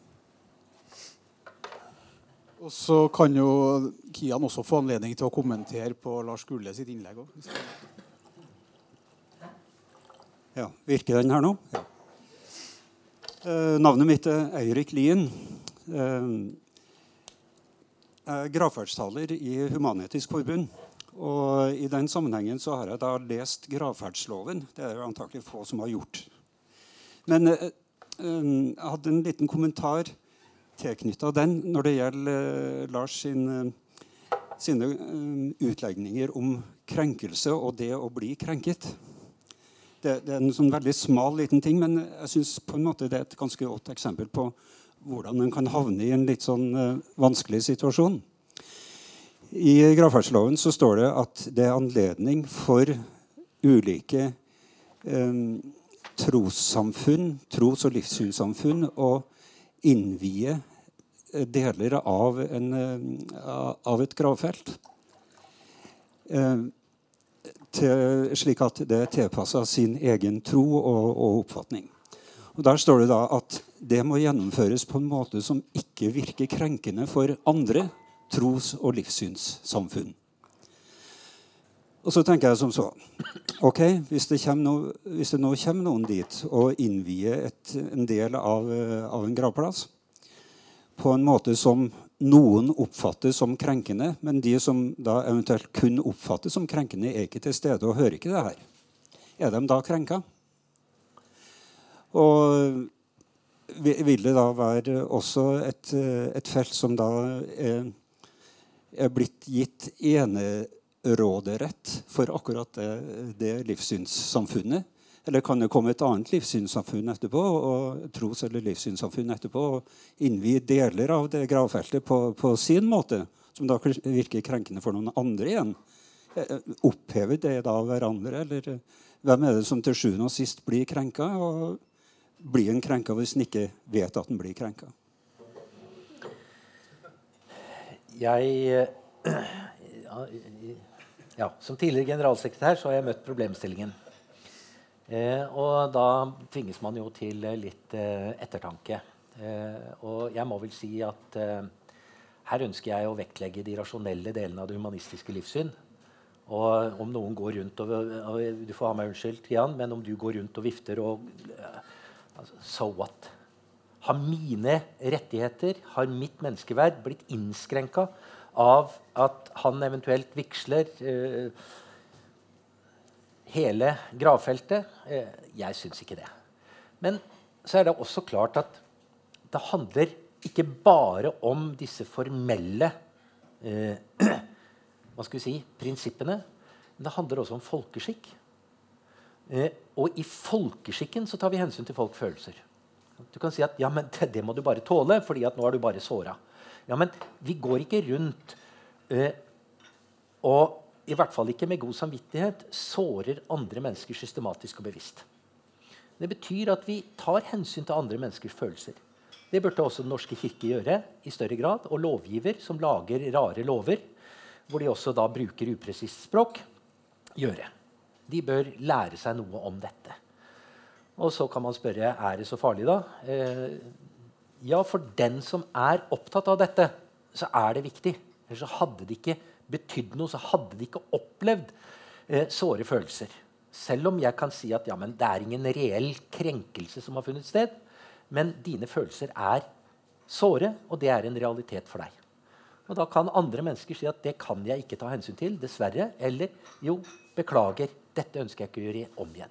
Men så kan man spørre kan vi da gjøre noe med det. Ja, en måte er jo å vigsle hver enkelt grav istedenfor gravfelter. Er det et kompromiss som er greit? Jeg syns det burde være et opplagt, greit og praktisk kompromiss for ikke å såre andre menneskers følelser. Hvis man ikke ønsker å gjøre det på den måten, da vil jeg jo si at da handler det om maktbrynde når man sier nei, vi skal vigsle hele dette området her. Så, men denne balansen mellom å være prinsipiell imot eh, å krenke noens grunnleggende menneskeverd, og på den andre siden ta tilbørlig, men ikke urimelig, hensyn til menneskers følelser. Altså jeg mener, det, det, er så enkelt som at min veldig troende bestemor veldig skuffa over at ikke jeg konfirmerte meg. Det ville være tåpelig hvis jeg skulle sette meg ned liksom, nå skal du høre her, besta. Det du tror på, er bare tøys og tull. Hvorfor i all verden skulle jeg såre henne på den måten? Jeg nøyde meg med å diskutere med mine fettere og kusiner. Ja. Det var nok. Jeg kan bare sånn, Et par kommentarer. Det er at eh, hinduene i Stavanger jeg, jeg, har snakket med de om det, jeg tror det gjelder generelt, men, eller flere steder i landet. Men hinduene har fått et eget felt. Fordi at de har andre regler på dette med retning. Mm. Muslimer og kristne har stort sett samme regel der. Altså, Eh, men, men det er noen sånne greier som gjør at de har fått et eget felt. Ideelt sett fra et hinduståsted, forteller de meg, så skulle de hatt bålbrenning. Altså de skulle ha brent et åpent lik. Sånn, før de da la i jorda eh, Aller helst skulle de da faktisk etter brenning ha helt dette i en elv med flytende vann. Ganges. Men der er altså uh, hinduene i, i, Norge sånn som jeg opplever, veldig fleksible. De skjønner at det lar seg ikke gjøre uten at andre vil oppleve seg såra, i det minste. Om ikke de er krenka etter den uh, definisjonen Lars gir. Men de vil iallfall oppleve det som ganske støtende. Så Derfor har de funnet en sånn praktisk ordning på det. Men det er et viktig tema. Altså, jeg synes Det er verdt å merke seg at i, i 1818 så, eh, så, ble altså dette nye Stortinget eh, med den ferske grunnloven De tillot to byer i Norge. Eh, altså at Kvekerne fikk lov å etablere seg formelt i to byer i Norge. Og det var i Oslo og Stavanger. Det gikk altså åtte år før de aller fleste emigrerte. Og det som ble hovedkonflikten i de få årene der, eh, opp imot det, det danske kongelige lutherske diktaturet, det var nettopp knytta til gravplassene. Det var en strid om gravplass. Hvor altså Kvekerne hadde i, som sin overbevisning at folk skal ikke begraves i noe Vikstadjord. De skal ikke ha noen seremoni rundt det. Altså Det var i strid med deres tro.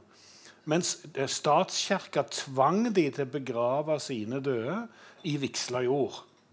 Og, og, hvis det skulle være uvigsla fordi at barna var, ikke var døpt, så var det kirka som skulle få anledning til å begrave det i uvigsla jord, hvor det var et poeng at det var uvigsla. Så dette viser at temaet knytta til gravferd har altså vært eh, faktisk en, historisk sett den, den, første moderne religionsstriden i Norge. Det var knytta til kvekerne. det er jo ganske interessant at uh, loven bruker jo Det er jo ganske interessant at loven bruker jo begrepet krenkelse i den sammenhengen her. Mm. Du skal ikke krenke et annet livssyn eller trossyn. Mm. Men, eh, men, eh, lovgiver er like upresis her på hva en krenkelse er, eh, som i veldig mange andre sammenhenger. Eh, så hvis jeg skulle få gjennomslag for min argumentasjon, så hadde det nok også vært fornuftig å presisere en del eh, lovparagrafer og eh, nyskrive en del forarbeider i, eh, i eh, lovgivningen. Andre som ønsker ordet?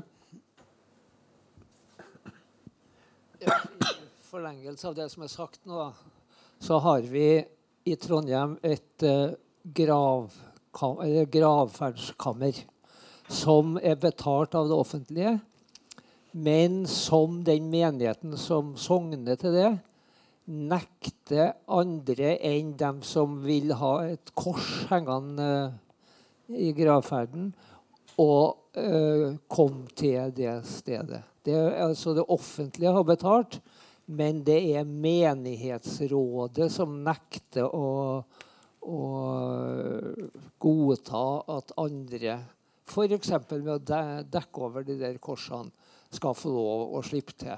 Og det er krenkende. Det er rett og slett krenkende fordi det innskrenker andres mulighet til å praktisere sitt livssyn på den måten de ønsker. Ønsker man en gravferd i et livssynsnøytralt lokale, eh, og det ikke finnes selv om vi alle bidrar til bygging av dette gjennom offentlige midler, så er dette eh, uakseptabelt. Er det et bygg som tilhører en bestemt kirke, menighet, så, og de velger å låne det ut, eh, så er det deres sak. Eh, men, eh, men, dersom dette dreier seg om det, altså, og nettopp fordi vi har en gravferdslov Det er ikke slik at man kan gjøre hva man vil med seg sjøl som død. Eller pårørende kan gjøre hva de vil. Eh, det betyr at dette er underlagt rå, lovregulering. Og det betyr igjen at staten må sørge for at denne lovgivningen ivaretar de ulike menneskers, individers og gruppers mulighet til å praktisere en gravferd i overensstemmelse med eget livssyn. Ja, Innen visse grenser, altså likbrenning i full offentlighet eller zoroastriske lik som skal ligge ute til de er spist opp av gribber, eh, går heller ikke i en norsk sammenheng.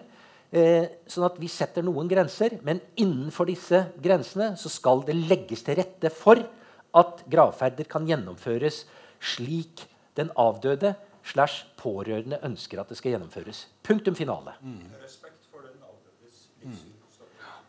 Nå, der er jeg nok enig med lovgiver at det er de pårørende som eier gravferden.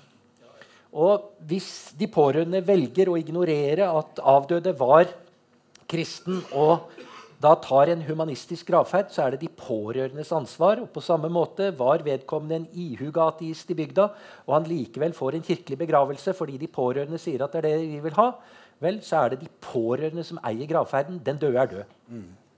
Mm. Det kan man si at det er veldig dårlig og veldig dumt, og de burde respektere avdødes ønske. Og det er jeg på mange måter enig i. Men det er faktisk de, det er faktisk de pårørende som skal sørge. Det er de pårørende som skal bearbeide sorgen og ettermælet osv. Det er ikke den døde, for den døde er død. Sitter han i himmelen, så får han sitte der og ergre seg. Er en humanist, så er han ute av tiden. Ja, altså, Vi er helt enige om prinsippene her. Altså, død er død. Inntil dommedag, eventuelt. og så får vi heller eh, kan være uenige om eh, skjer det noe etter det igjen. Men, men i, forhold til vår, i forhold til våre liv og vår verden så må vi forholde oss på den måten Lars her sier. Og jeg tror det, det er, Der er nedfelt veldig viktige prinsipper i lovgivningen og reglene for disse tingene allerede. Og jeg oppfatter I en by som Stavanger, i de større byene, så tror jeg det blir mindre og mindre av et problem. Altså, vi har sett i Stavanger at det offentlige har finansiert grav. Altså, det er et krematorie som har et kapell. og Der kan du enten du skal begrave vedkommende eller kremere. Så, så, har du anledning til å bruke det. Og kirka har anledning til å bruke det, og alle andre trossamfunn. Det samme gjelder det nye gravkapellet. Jeg tror det er to nye som er bygd i Stavanger, som altså er prinsipielt eh, livssynsåpne. Eh, livssynsnøytrale, eventuelt, hvis en vil bruke det uttrykket i det tilfellet. Eh, og så har altså kirker Noen velger å få ta, gjennomføre bisettelser via, via, et kirkerom. Det har de anledning til. Så, så, jeg tror disse prinsippene er viktige. Det var en her borte òg. Lars Gule, til å begynne med så var, så var, du inne på det som hadde om eh, religionsfrihet og livssynsfrihet for barn. Um, og foreldres rett til å oppdra barna sine i, i sitt eget livssyn. Um, men hvordan kan vi vite hvor den grensa går fra deres rett til å oppdra barna ut ifra det de mener er rett, og over til noe som er direkte skadelig for barnet? Altså Et eksempel kan være omskjæringsdebatten. Eh, et annet eksempel kan være at vi eh, For to år siden inviterte vi Anders Torp til å snakke for oss, der han kunne fortelle om både ja, demonutdrivelser og eh, helvetestrusler og en veldig ekstrem form for karismatisk kristendom som kan gi store plager da, for barn og da når de vokser opp. Så jeg bare er nysgjerrig på hvor vi setter akkurat den grensa. Og hvordan vi kan vite hvor vi bør sette en sånn grense. Ja, det er en kjempeutfordring. Og det henger jo sammen med at selv om en psykisk krenkelse av menneskeverdet i prinsippet er akkurat like alvorlig og forkastelig som en fysisk krenkelse av menneskeverdet, så er det veldig mye vanskeligere å vurdere både hva en psykisk krenkelse er, og effekten av den. Et armbrudd er et armbrudd, selv om den som, ene som får brukket armen. 'Det var gøy. Se her, nå kan du skrive navnet på gipsen.' Mens en annen sier 'Å, nå tør jeg ikke gå ut, fordi jeg kan bli overfalt på nytt.' og noen kan brekke armen min. Sånn at Den subjektive opplevelsen av ulike hendelser vil være veldig varierende. Og Derfor blir det veldig varierende hvordan individer re reagerer på religiøse overgrep. Noen sier 'far var en jævel'. Han trua oss med helvete, og han banka oss når vi ikke ba aftenbønn osv. Men pytt, pytt. Jeg går videre. Og så er broren ut og inn av psykiatrien resten av livet. Mm. Hvordan kan vi trekke den grensa? Jeg har ikke fasitsvar. Eh, og enda viktigere er Dersom vi skulle vite hvor grensa går, hvordan skal vi kunne oppdage dette? Ja, kan ha kameraer i alle rom. Vi ønsker ikke det. Vi ønsker ikke et storebror ser deg-samfunn. Og Det betyr at det som foregår innenfor hjemmets fire vegger, det hører til der. Og det betyr at vi skal ha veldig sterke grunner for å intervenere. Til å gjøre det har vi barnevernet, som altså kan gjøre det i ytterste I virkelig alvorlige situasjoner. Og barnevernet vil være avhengig av å ha en sak som fylkesnemnda godtar. Ikke sant? Så det må altså dokumenteres ganske sterkt og tydelig ja. hvis det skal kunne holde mål etter fylkesnemndas uh, vurderinger. Og det er, altså det, dette gjør det, altså Vi har jo denne debatten nå med rasende foreldre som sier at her har det skjedd et overgrep. Min mor satt i helse- og sosialstyret i uh, min hjemkommune i ganske mange år. Og det var på et tidspunkt hvor det var hvor, hvor, det var en del av nemnda lokalt som avgjorde omsorgssaker. Mm. Og som hun sier i ettertid vi skulle, nok ha, vi skulle nok ha hatt omsorgsoverdragelse i flere saker. Og det er fordi at her er, det, her er man veldig forsiktig med å gjøre det. Og det henger sammen med at vi ønsker å være forsiktig overfor privatlivet. Overfor det som skjer. Og, og det er også slik at i ja, jeg vet ikke hvor mange prosent utover 99,9 hvor det er faktisk foreldrene som er de som best ivaretar sine barns interesser. Det er de få promillene som da blir eksempler på at her har det skjedd et overgrep. Her burde det offentlige gripe inn. Her må det offentlige gripe inn. Dessverre grep vi ikke inn. Det burde vi ha gjort, osv. Eh, og det som utgangspunkt at det er foreldre som vi best ivaretar barns interesse, eh, så skal vi altså være uhyre forsiktige med å blande oss bort i.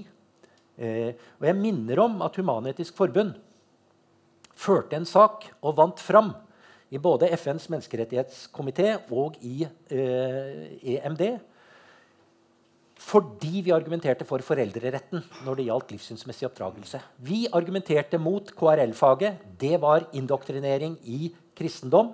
I strid med retten som foreldre hadde. I strid med foreldreretten. Og det var det vi vant fram på. Og så skal vi i neste omgang si at nei, men kristne har ikke den samme retten til å argumentere med foreldrerett. Det er bare vi humanister som har det. Nei, det henger ikke på greip. Her må vi faktisk tenke konsekvent og konsistent. Det betyr at terskelen for å intervenere, selv om jeg kan skjønne at Anders Torp kanskje ville at noen skal, skulle ha intervenert, men den intervensjonen må da skje gjennom den offentlige samtalen. En mye tøffere kritikk av Pedersen, av eh, Torp og av andre som driver med humbug og tull og tøys og overgrep og tungetale og jeg vet ikke hva. Men det å kritisere med skarpe ord er noe annet enn å skulle gå inn og forby, tiltale, straffe. Så her må vi også prøve å holde tunga rett i munnen, og så må vi erkjenne at eh, vi klarer ikke å få, eh, å få, dette riktig i alle sammenhenger. Vi lever ikke i en perfekt verden. Det er mange som tror at liksom, ja, men dette kan vi ordne opp i. Sorry. Hvis vi legger til grunn prinsippet om at det er bedre at ti skyldige går fri enn at én uskyldig blir dømt, så betyr det en erkjennelse av at vi klarer ikke å rette opp i alle feil og mangler. Det vil foregå overgrep. Det vil dessverre gjøre det, og det hører med til det vi ikke skal leve passivt med. Vi skal prøve å lære av de feil, av de overgrep som har funnet sted, og begrense det. Men dersom vi tror at vi skal få det ned til null, da lever i en verden hvor det er nødvendig å installere videokameraer alle steder. Følge med. Og da har vi mikroskipen eh, implantert i, eh, og GPS-en implantert i, eh, i, eh, underarmen før vi vet ordet av det. Teknisk er det mulig. Teknisk er det mulig å forhindre nesten ethvert overgrep. Vold mot kvinner, vold mot barn. I dag er det bare å montere videokameraene. Vi er alle på nett. Vi vil ikke det. Ja. Ehm, det er Apropos barnevern eh, og livssyn og krenkelser Det ser ut som å være den nye, nye religion. Og falske offerroller osv. Så, eh, så er norsk lov, da. Og, så, og i, så har vi noe som heter muslimsk oppdragelse. En god muslimsk oppdragelse. Det er ofte med tvang og makt. Bare i Trondheim så lever det en haug med jenter som er rømt for tvangsgifte. Og det eneste den norske myndigheter har beskyttelse, er 50 mil hjemmefra. Og øh, og that's it. Med hemmelig adresse. altså. Foreldrene får, får bo, slekta får bo like rett i Norge og plage sine, søsk, sine, sine barn til tvangsgifte. Og hva som har skjedd med tidligere alder ved omskjæring osv., det kan bare gjette seg til. Men når de har sånne, sånne groteske eh, livssyn som prakker på eh, ungene sine, sånne overgrep og vold på norsk jord, så, så har vi noen slags skyldighet å gripe inn. Uh, selv om de blir krenka til sitt livssyn. Men det er ikke en livssynskrenkelse du snakker om. Det, det du snakker om nå, er, en, er brudd på norsk lov. Tvangsgifte er forbudt i henhold til norsk lov. Og i den grad det er mulig å dokumentere det, får alltid det problemet igjen med, med, hva du kan dokumentere. Men hvis det kan dokumenteres, så skal, eh, så skal politi og påtalemyndighet slå ned på den typen praksis. Det anerkjennes ikke som en del av livssynet, islam som livssyn. Og En av de viktigste tingene der å merke seg, det er at Mellomkirkelig råd i Den norske kirke har jo hatt en jevn dialog både gjennom Samarbeidsrådet og andre med mange ulike livssyn, men òg direkte med, eh, med, Islamsk råd i Norge før denne splittelsen kom. Og alt det. Og de har, de har jo sammen vedtatt tre helt sentrale og viktige avklaringer på en del spørsmål, bl.a. tvangsgifte. Altså, både vold i nære relasjoner, inkludert tvangsgifte, har Islamsk råd i Norge erklært for haram. Altså med andre ord, Det er forbudt. Altså, hvis, du, hvis du spør imamer i dag, som i hvert fall anerkjenner Islamsk råd som, som, eh, og, og, disse herne sammenslutningene Hvis du spør de i dag, så vil de si at dette, dette er i strid med islam. vil de si.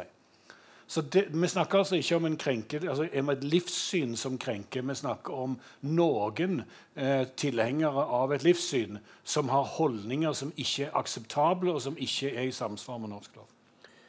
Og det praktiseres også av andre eh, trossamfunn. Som en sa en gang Å, vi tamiler, som er hinduer, å, vi har en fordel, vi. Det er muslimene som får all skylda. For den typen førmoderne praksiser fordi det er ikke så lenge siden tvangsekteskap, negativ sosial kontroll og særlig kontroll med jenter var særdeles utbredt i deler av Europa. Vi snakker om Italia, Hellas, Spania. Æresdrap. Altså, dette er et felles middelhavsanliggende eh, med æresdrap. Jeg kjenner personlig eh, til kristne i Libanon. Eh, hvor eh, brødre sa til eh, søstera si, som hadde funnet seg en muslimsk mann Hvis du gifter deg med han, så dreper vi deg. Dette var de kristne, gresk-ortodokse, som sa.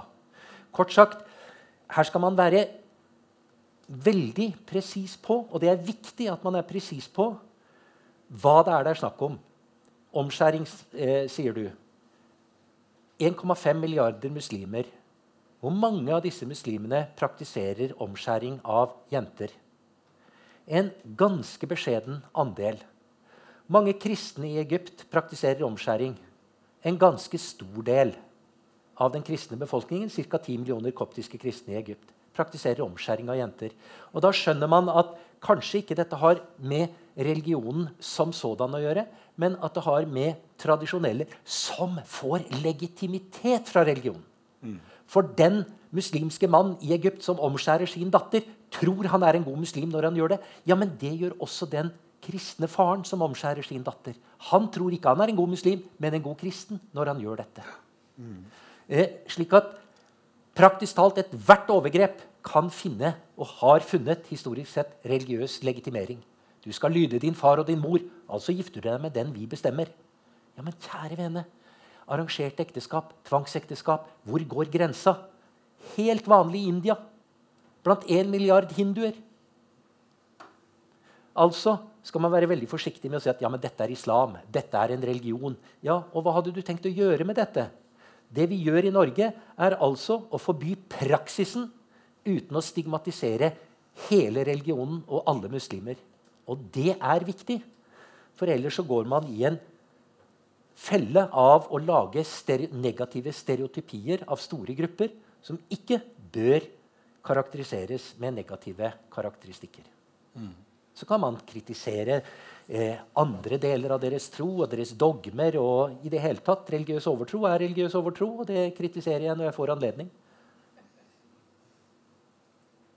Eh, du var inne på eh, foreldrenes eh, rett, og at det er de som er de beste til å til å oppdra barn og, og, og, så videre, og så videre.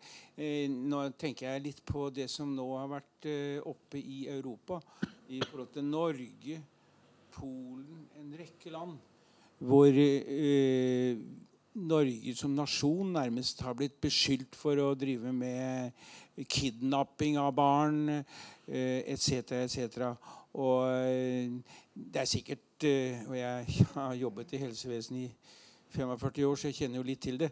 Men eh, jeg tror ikke det sitter ondartede sosionomer med mer, med mer på i, i, norske kommuner og fratar barn sånn eh, med venstre hånd. Eh, men er, jeg føler nesten som er et problem at eh, helt på regjeringsnivå i enkelte land eh, så, så blir jo Norge beskyldt for å drive med kidnapping av barn. Jeg vet ikke hva du syns om det?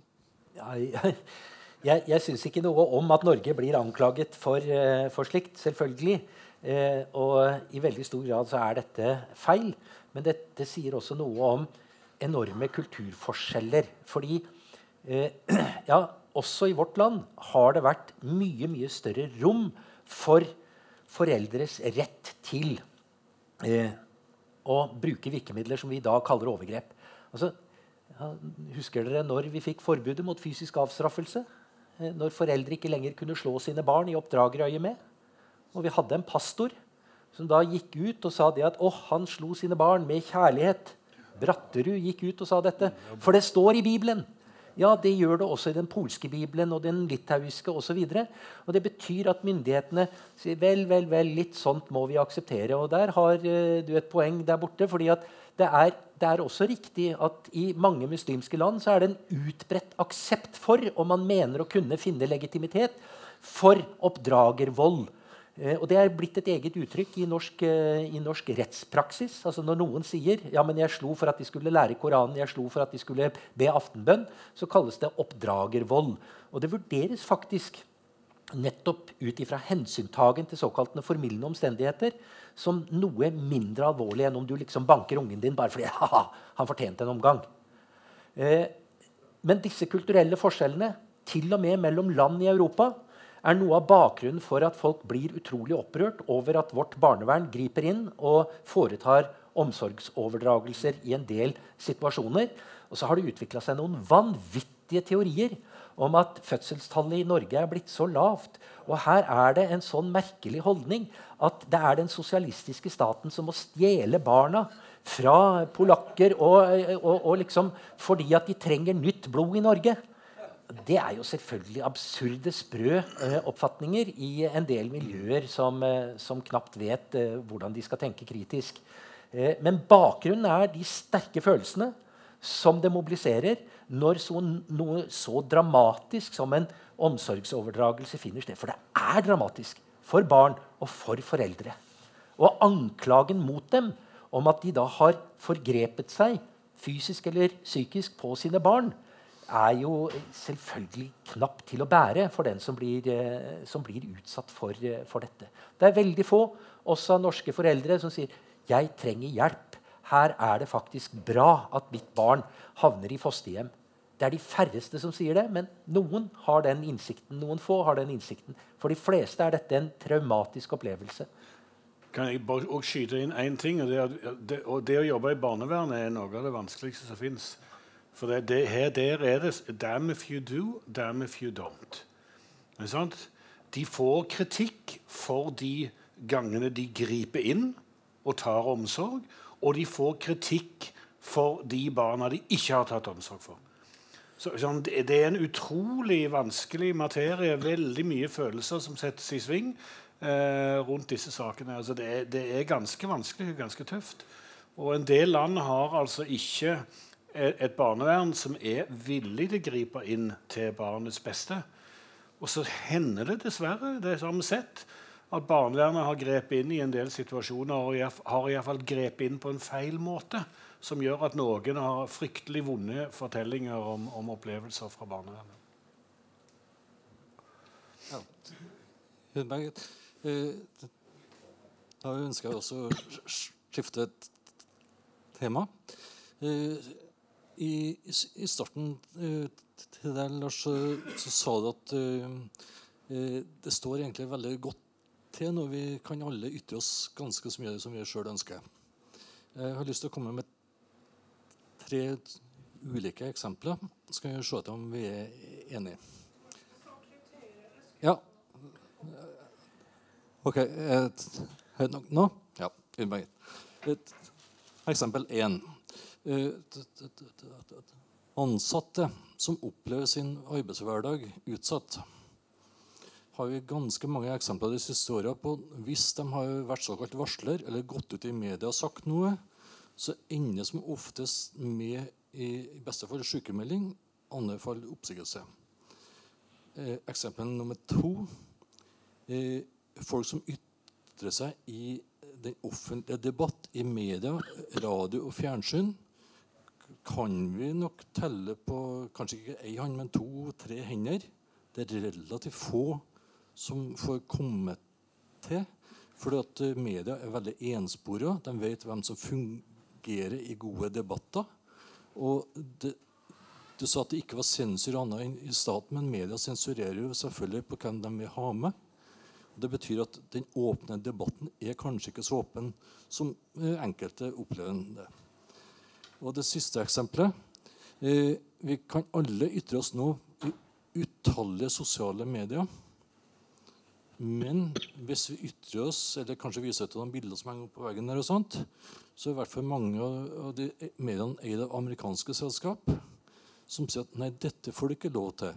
Og hvis du skriver noe eller publiserer noe som de amerikanske selskapene ikke liker, ut ifra sin eh, eh, filosofi, verdilinje i virksomheten, så gjelder ikke eh, min mulighet til å ytre meg. Første tema, eh, varslertematikken. Eh, det illustrerer eh, på mange måter eh, ytringsfrihetens kår. Eh, og det som taler for ytringsfrihet, det er at vi faktisk har en diskusjon om hvordan vi skal verne ytrere, eh, varslere. Eh, og vi prøver å styrke varsleres rettsvern, slik at man kan tale så fritt som mulig eh, om, eh, om, negative, uakseptable forhold. Kanskje til og med lovbrudd i eh, egen virksomhet på egen arbeidsplass. Men det faktum at vi ikke har kommet langt nok, at vernet ikke er godt nok, verken formelt juridisk eller i praksis, viser at vi har fortsatt et stykke vei å gå. Men det må være tillatt å si at her er det forskjell mellom land. Og jeg tror vi må kunne si at vi har en bedre situasjon i Norge enn i mange andre land. Det er ikke ment som et, eh, en sovepute. Eh, tvert imot så er det et argument for å gjøre enda mer, enda bedre. Rett og slett fordi da har vi en mulighet til å være et et eksempel for andre på hvordan vi implementerer et varslervern, ivaretar eh, grunnleggende eh, menneskerettigheter. Eh, det andre du sa, handler ikke om sensur, men det handler om redigering. Det handler om redaktørers rett til, og det er deres suverene rett, for de er faktisk personlig ansvarlig for det de trykker. Eller publiserer i etermedier. eh, og så kan man være enig eller uenig de vurderingene. Eh, og det er helt riktig at eh, mange tar hensyn som ikke eh, dreier seg om eh, den videst mulige og best mulig eh, bruk av ytringsfriheten, men hva er mest kommersielt lønnsomt, f.eks. Eh, vi snakker om såkalt klikkhoreri når det gjelder nettavisenes kommentarfelter og artikler osv. Her ligger det åpenbart utfordringer. Det har gjort det til alle tider. Det var ikke bedre i fjor eller for 50 år siden.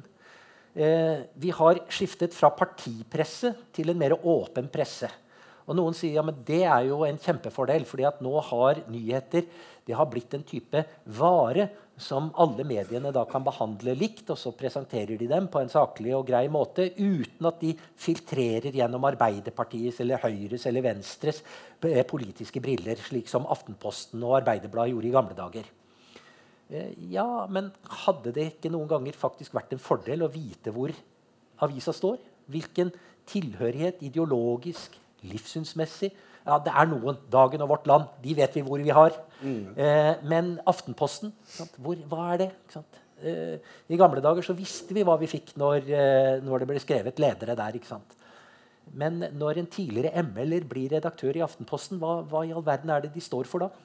Hun var jeg må understreke det, tidligere ML-er. Eh, for i Aftenposten så gjorde hun ikke så veldig mye galt. for å si Det sånn. Men det er, altså, det, er noen utfordringer her, og det ligger i kapasiteten. Alle kan ikke få alt på trykk. Det er ikke plass i Aftenposten uten at den hadde blitt på 400 sider hver eneste dag. Jeg fikk sjøl et avslag her i dag. Jeg sendte inn en sak, en kommentar, og så Ja, det kan vi ta av trykket, men du må forkorte det ned til 1100 tegn. Den var på 3600, eh, så det blir altså en tredjedel. Ja, det er redigering. Jeg kan ikke si at det er sensurert. Jeg kan velge å si at nei, da legger jeg det ut på Facebook isteden. Eller jeg setter meg ned og bruker x antall timer på å gjøre den forkortingen. Det er redaktørers suverene rett. Og vi kan mislike det, og vi kan si at så, men da får du prøve å skape din egen avis. Og det siste poenget ditt det var amerikanske medier. Og her har vi virkelig en utfordring. Google, Facebook, Instagram, hva det nå heter alt sammen. Jeg nøyer meg med Facebook, og det er mer enn nok. Eh, men Google bruker vi eh, nesten alle sammen hver dag osv. Eh, og her er det slik at teknologien har løpt langt foran eh, myndigheters mulighet til å prøve å følge med på hva dette innebærer. For her snakker vi om monopoler. Og monopoler er problematiske, for de gjør plutselig som de vil. Eh, og plutselig så gjør de noe vi ikke vil, med oss. Eh, og Det gjør at vi må få slutt på monopolet, eller monopolet må inn under en type regulering, lovregulering. Og her er lovgiver både i USA, i EU og i Norge langt på etterskudd. Og hvordan dette går, men med stadig nye forsøk på å få til regulering eh, ja, Jeg har ikke fasitsvar her, men du har helt rett i å peke på at her ligger det utfordringer og samtidig muligheter. Aldri før har så mange kunnet ytre så mye tull og tøys som de gjør i dag på Facebook og andre sosiale medier. I beste fall så er dette en enorm utvidelse av ytringsfrihet og demokrati. I verste fall så er dette blitt en gjørmepøl av møkk, hat, trusler, eh, rasisme og annen elendighet. Så ja, jeg, gjerne føye på jeg, en, et, et, et, jeg oppfatter jo at det kanskje der vi skilte lag du, Jeg tror du nevnte det, du òg det, det var akkurat dette spørsmålet om sensur. Ja. Eh, jeg tror det ligger i det at jeg har brukt ordet i en videre mening enn deg. Mm. Og du uh, brukte ordet òg mer i juridisk forstand, altså om staten og de grensene som gjaldt. Jeg bruker det nok mer om redaktører òg. Uh, fordi at jeg mener at redaktører gjør to ting. De redigerer. Det gjør de. Og det må de gjøre. Eh, men de sensurerer òg i betydningen når de får inn på sitt bord ytringer som de mener er i strid med lov, eller i strid med Eller er krenkelser, så er det i praksis en, en sensurjobb de gjør. Ja da, og... så, sånn tenker Jeg altså jeg har nok utvida det begrepet litt. For øvrig, jeg var på, en, på et av mine besøk på Vestbredden en gang så, så var vi innom eh, eh, den, den, israelske militære administrasjonen som de kalte for the civil administration. Den sivile. Men det var jo militæret som drev det. da. Og inn der så var en journalist med meg, og han måtte inn for å få godkjent og kunne jobbe på Vestbredden. Så måtte han inn til den israelske militære sensor. Og han hadde et skilt på døra. Og han, journalisten fikk ikke lov å ta bilde av det med et skilt på døra hvor det sto 'Censorship makes the world a better place'. Og, det slår meg av og til at jeg liksom lurer på av og til om disse redaktørene også løfter opp et eller annet, så har de et hemmelig greie under der. Jeg er, vil mene, men jeg mener altså at den sensuren som redaktører gjør, er stort sett nødvendig. Det som bekymrer meg mye mer, det er eierstrukturene i norsk medie. Vi har NRK fortsatt, som er folkets egen kanal. Eh, som slett ikke oppfører seg sånn alltid.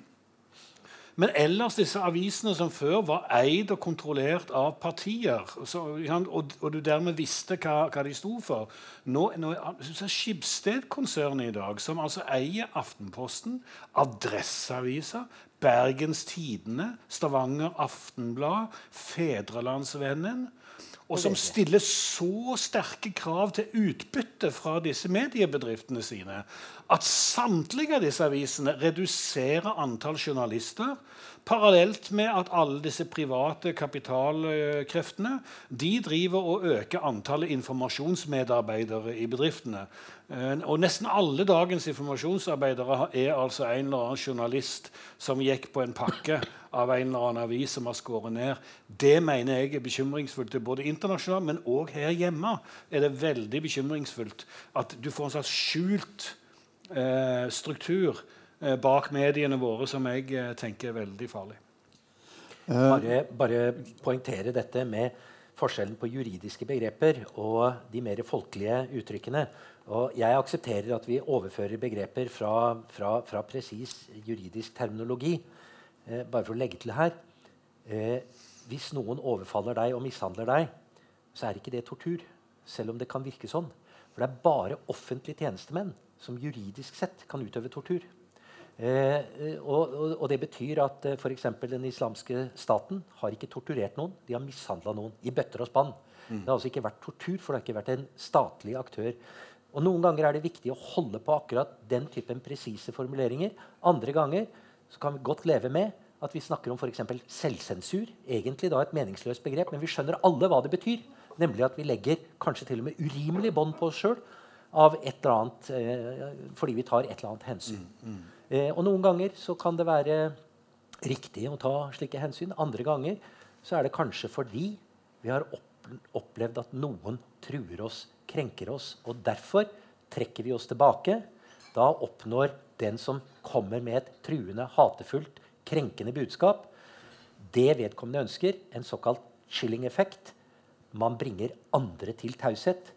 Og det er derfor ytringsfrihet er en kontinuerlig kamp hvor det viktigste virkemidlet i kampen for ytringsfrihet er å bruke ytringsfriheten på en ikke krenkende måte. Eh, vi er ganske godt på overtid, så vi som arrangerer, må begynne å redigere og ikke sensurere. Men vi har, det to som brenner inn med Kan det være korte spørsmål eller kommentarer? Og så får dere oppsummere litt til slutt. Hallo? Må jeg trykke på noe? Nei da. Nei, da, det her blir ganske kort. Det her er jo retorikere. Dere har så mye flotte ord, og jeg er enig i en hel masse. Ja, OK. Dere hører meg. Nei, du må holde den sånn. Sånn? Ja. OK. ok. Dere er så flinke med ord. Jeg er ikke i nærheten i det hele tatt. Men egentlig så har jeg en hel roman inni meg. Og jeg er sint. Jeg er forbanna på staten som ikke tar meg høytidelig. Opplevd for mange år siden, over 30 år siden, et Nav-velde med psykopati. Og jeg kjørte arbeidsrettssak. Og jeg ble offer resten av livet. Hvert jævlig fem minutter i over 30 år så ble jeg offer i den arbeidsrettssaken som er kjørt. Og det var regjeringsadvokat inne i bildet. Det var statsminister Jagland, som intet gjør med arbeidsmiljøloven. Og jeg har ingen rettigheter. Absolutt ingen. Jeg havna ut i dyp fattigdom. Dattera mi ble psykotisk flere ganger. Det endte opp med i barnevernssak. Hun ble fratatt omsorgen. I det hele tatt så ble livet vårt snudd på huet i over 30 år. Nå opplever jeg Nå er jeg nemlig en del av Fattignettverket Norge. Det er Oslo-styrt. Og så er en del små organisasjoner med i det fattige nettverket. Vi jobber for økonomisk, sosialt og rettslig eh, vanskeligstilte. Så skriver i lokalavisa på Oppdal. Jeg er oppdaling. Jeg skriver flere innlegg. Og til slutt så måtte jeg flykte fra hjembygda mi. Så prøver jeg å skrive i Adresseavisen fordi at Fattignettverket Norge kommer til Trondheim og skal ha et seminar. Jeg får søren ta meg ikke det innlegget på trykk. Og det der har skjedd før. Jeg har skrevet om ny fattigdom. Sendt artikler til Adresseavisa. Og jeg får det ikke inn. Og jeg tror faktisk ikke at det er så jævlig dårlig skrevet. Men jeg får det ikke inn. Mm. Kan dere kommentere på det, og så tar vi det siste spørsmålet til slutt?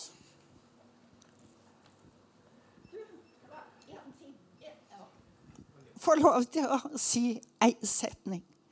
Min datter og jeg har faktisk vært innom mellom 10 og 15 advokater i Norge.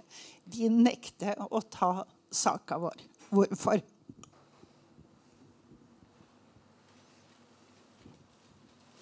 Jeg heter Trond Skjefstad. Eh, jeg oppfatter at dere begge to var enige om at eh, krenkelse av andres menneskeverd gikk over streken for ytringsfrihet. Jeg syns dere var noe uklare på dette med eh, absolutt ytringsfrihet for eh, media, som journalister og redaktører påropte der. Samtidig som dere snakker om hvilke begrensninger det gjør. Så var det et spørsmål til Gule. Eh, vi hadde besøk av Lysglimt Johansen i Studentsamfunnet i Trondheim. Eh, påstår påstår å være en fri talerstol. Forsto jeg deg rett, så bør den ikke være så fri at han som krenker andre, skulle få slippe til. Altså at du aksepterer det som noen medier omtaler som outing av eh, ytterliggående personer og organisasjoner som i sin ordbruk og sine handlinger krenker andre. Ja. Eh, til eh, historien her så er det nesten helt umulig å kommentere eh, spesifikt på det uten å kjenne, å kjenne detaljer. Eh, eh, opplevelsen av å ikke bli hørt er alvorlig nok. Eh, men hvorfor ikke, og hva du har skrevet og hva du har opplevd osv., det kan jeg selvfølgelig ikke si noe om, siden jeg ikke kjenner din historie i detalj. Eh, og det er én ting jeg har lært, i hvert fall, det er at eh, de fleste saker har eh, i alle fall mer enn én side. Til og med ofte flere enn to sider. og Derfor så vil jeg være veldig forsiktig med å uttale meg om konkrete saker uten å ha hatt muligheten til å sette meg inn i det. Jeg prøvde ikke å være ullen når det gjaldt eh, forskjellen på, uh, på eh, snakket om absolutt ytringsfrihet og ytringsfrihetens grenser. Tvert imot. Jeg mener ytringsfriheten har grenser. Eh, jeg syns det er tåpelig eh, av de som snakker om en absolutt ytringsfrihet, for de vet ikke hva de snakker om. Så fort, og Det var derfor jeg brukte eksempelet med sensitiv personinformasjon. For enhver en redaktør som står og sier ja, men jeg er tilhenger av absolutt ytringsfrihet, ville hvis han, jaha, så du ville offentliggjøre medisinske journaler. Eh, nei, det var ikke det jeg mente. Altså har du akseptert en grense. Si, ja, hva med militære hemmeligheter? Eh, nei. Eh, kanskje er det noe som heter statshemmeligheter. Kort sagt, så fort du konfronterer påstanden om en absolutt ytringsfrihet med konkrete eksempler på hva faktisk lovgiver har sagt, så aksepterer man dette. Det finnes altså ingen absolutt ytringsfrihet. Og så er spørsmålet hvor skal grensene gå? Og jeg trekker grensen ved å krenke menneskeverd. Jeg mener at noen ganger kan være berettiget å avsløre statshemmeligheter. Ikkevoldssaken, bombemålet Norge. Klassisk eksempel. De ble tiltalt for spionasje. Det mener jeg var helt urimelig. Det er riktig og viktig at vi vet hva som er bombemål i Norge. Eh, fordi det gir oss i stand til å kunne påvirke politikere og norsk forsvarspolitikk. Og det har vi pinadø rett til. Hva var det siste poenget ditt? Om Ja, nettopp. Og det skulle jeg ha vært tydeligere på. At jeg mener det er altså ulike grader av mulighet for å legitimere. Studentersamfunnet er jeg har nær sagt en sandkasse hvor man kan gjøre mye rart. Så jeg ville si at der er terskelen mye lavere for å invitere inn ekstremister og tullebøtter og rørebøtter osv. Eh, jeg har sjøl vært til stede i studentersamfunn hvor man har invitert eh, eh, invitert Hva var det hun hette, hun som skrev 'Gjennom lysmuren'? Og Jannike Jarlum, som har fortalt om sine ufo-opplevelser. Altså, ja, det er underholdning. Det var ikke ment som underholdning når Universitetet i Bergen ved Tverrfaglig eh, senter for kvinne- og kjønnsforskning inviterte denne kjønnsfascisten. Det var ment å være et seriøst seminar. Dagsnytt 18 er noe annet enn en piratradio. Dagsnytt 18 bør gjøre andre vurderinger og ikke invitere, invitere Johansen. En notorisk antisemitt, og han blir bare verre og verre for hver dag. Jeg fant noen eksempler på siste eh, antisemittiske tullpratet hans så seint som i dag. Eh, som var eh, altså tweets som han hadde lagt ut. Kort sagt her er det forskjell fra plattform til plattform. Jeg vil mene at Human-Etisk Forbund, FN-sambandet, er såpass seriøse organisasjoner at de ikke inviterer notoriske antisemitter. Ikke engang til konfrontasjonsmøte. For det ville være Og jeg ville i hvert fall ikke stille opp. Jeg ser ikke han som en moralsk likeverdig Og nå høres det forferdelig moralsk og moralistisk ut. So be it. Det gir jeg blaffen i. Jeg anser ikke han for å være en likeverdig moralsk samtalepartner. Rett og slett. Rett og slett. Hans synspunkter på jøder fullstendig uakseptabelt. Hadde jeg blitt invitert til et møte, et seminar, til og med i Studentersamfunnet, så hadde jeg takka nei. Jeg hadde kanskje vurdert det en halv gang hvis det hadde vært Studentersamfunnet. Dagsnytt 18 overhodet ikke aktuelt. Det er å legitimere eh, den personen som en seriøs, likeverdig debattant i et seriøst medium. Det er det jeg mener. Her går en grense. Og så kan man spørre ja, trekker du den ved Lysglimt Johansen. Trekker du den ved eh, Lurås. Hvor trekker du den? Jeg har trukket den ved Lurås. Han snakker ikke jeg med i en offentlig sammenheng. Ja, og, og Ikke sant? Eh, men et siste viktig poeng til dialogpresten. Slå aldri handa av noen. Hvis noen kommer, hvis Lysglimt Johansen kommer og spør meg du, jeg vil gjerne prate med deg, kan vi ta en kopp kaffe? Det er noe helt annet. Det er en personlig samtale. Og jeg snakker med, og jeg vil gjerne snakke med flere ekstremister på tomannshånd. Fordi det handler om en viktig forutsetning, en dialog, en mulighet, kanskje, hvis vi krysser fingre og håper, på vei ut av ekstremismen.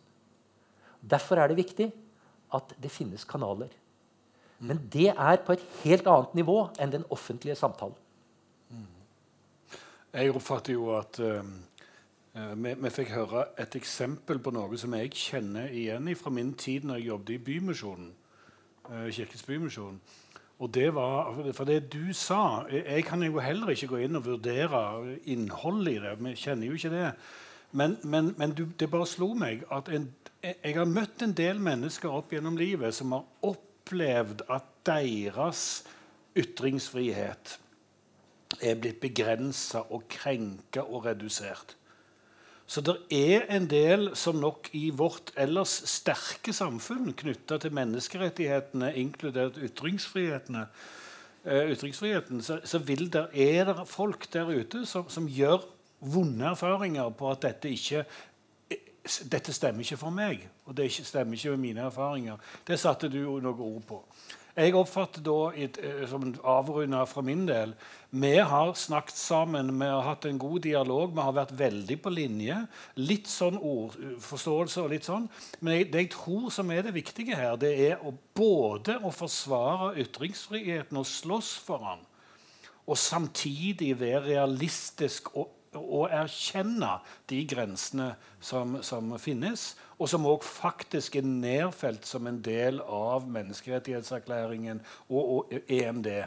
Altså det er, og, altså, EMK eh, e er vel ja, er, Konvensjonen. Ja, konvensjonen og domstolene. Det er altså nedfelt at det er grenser.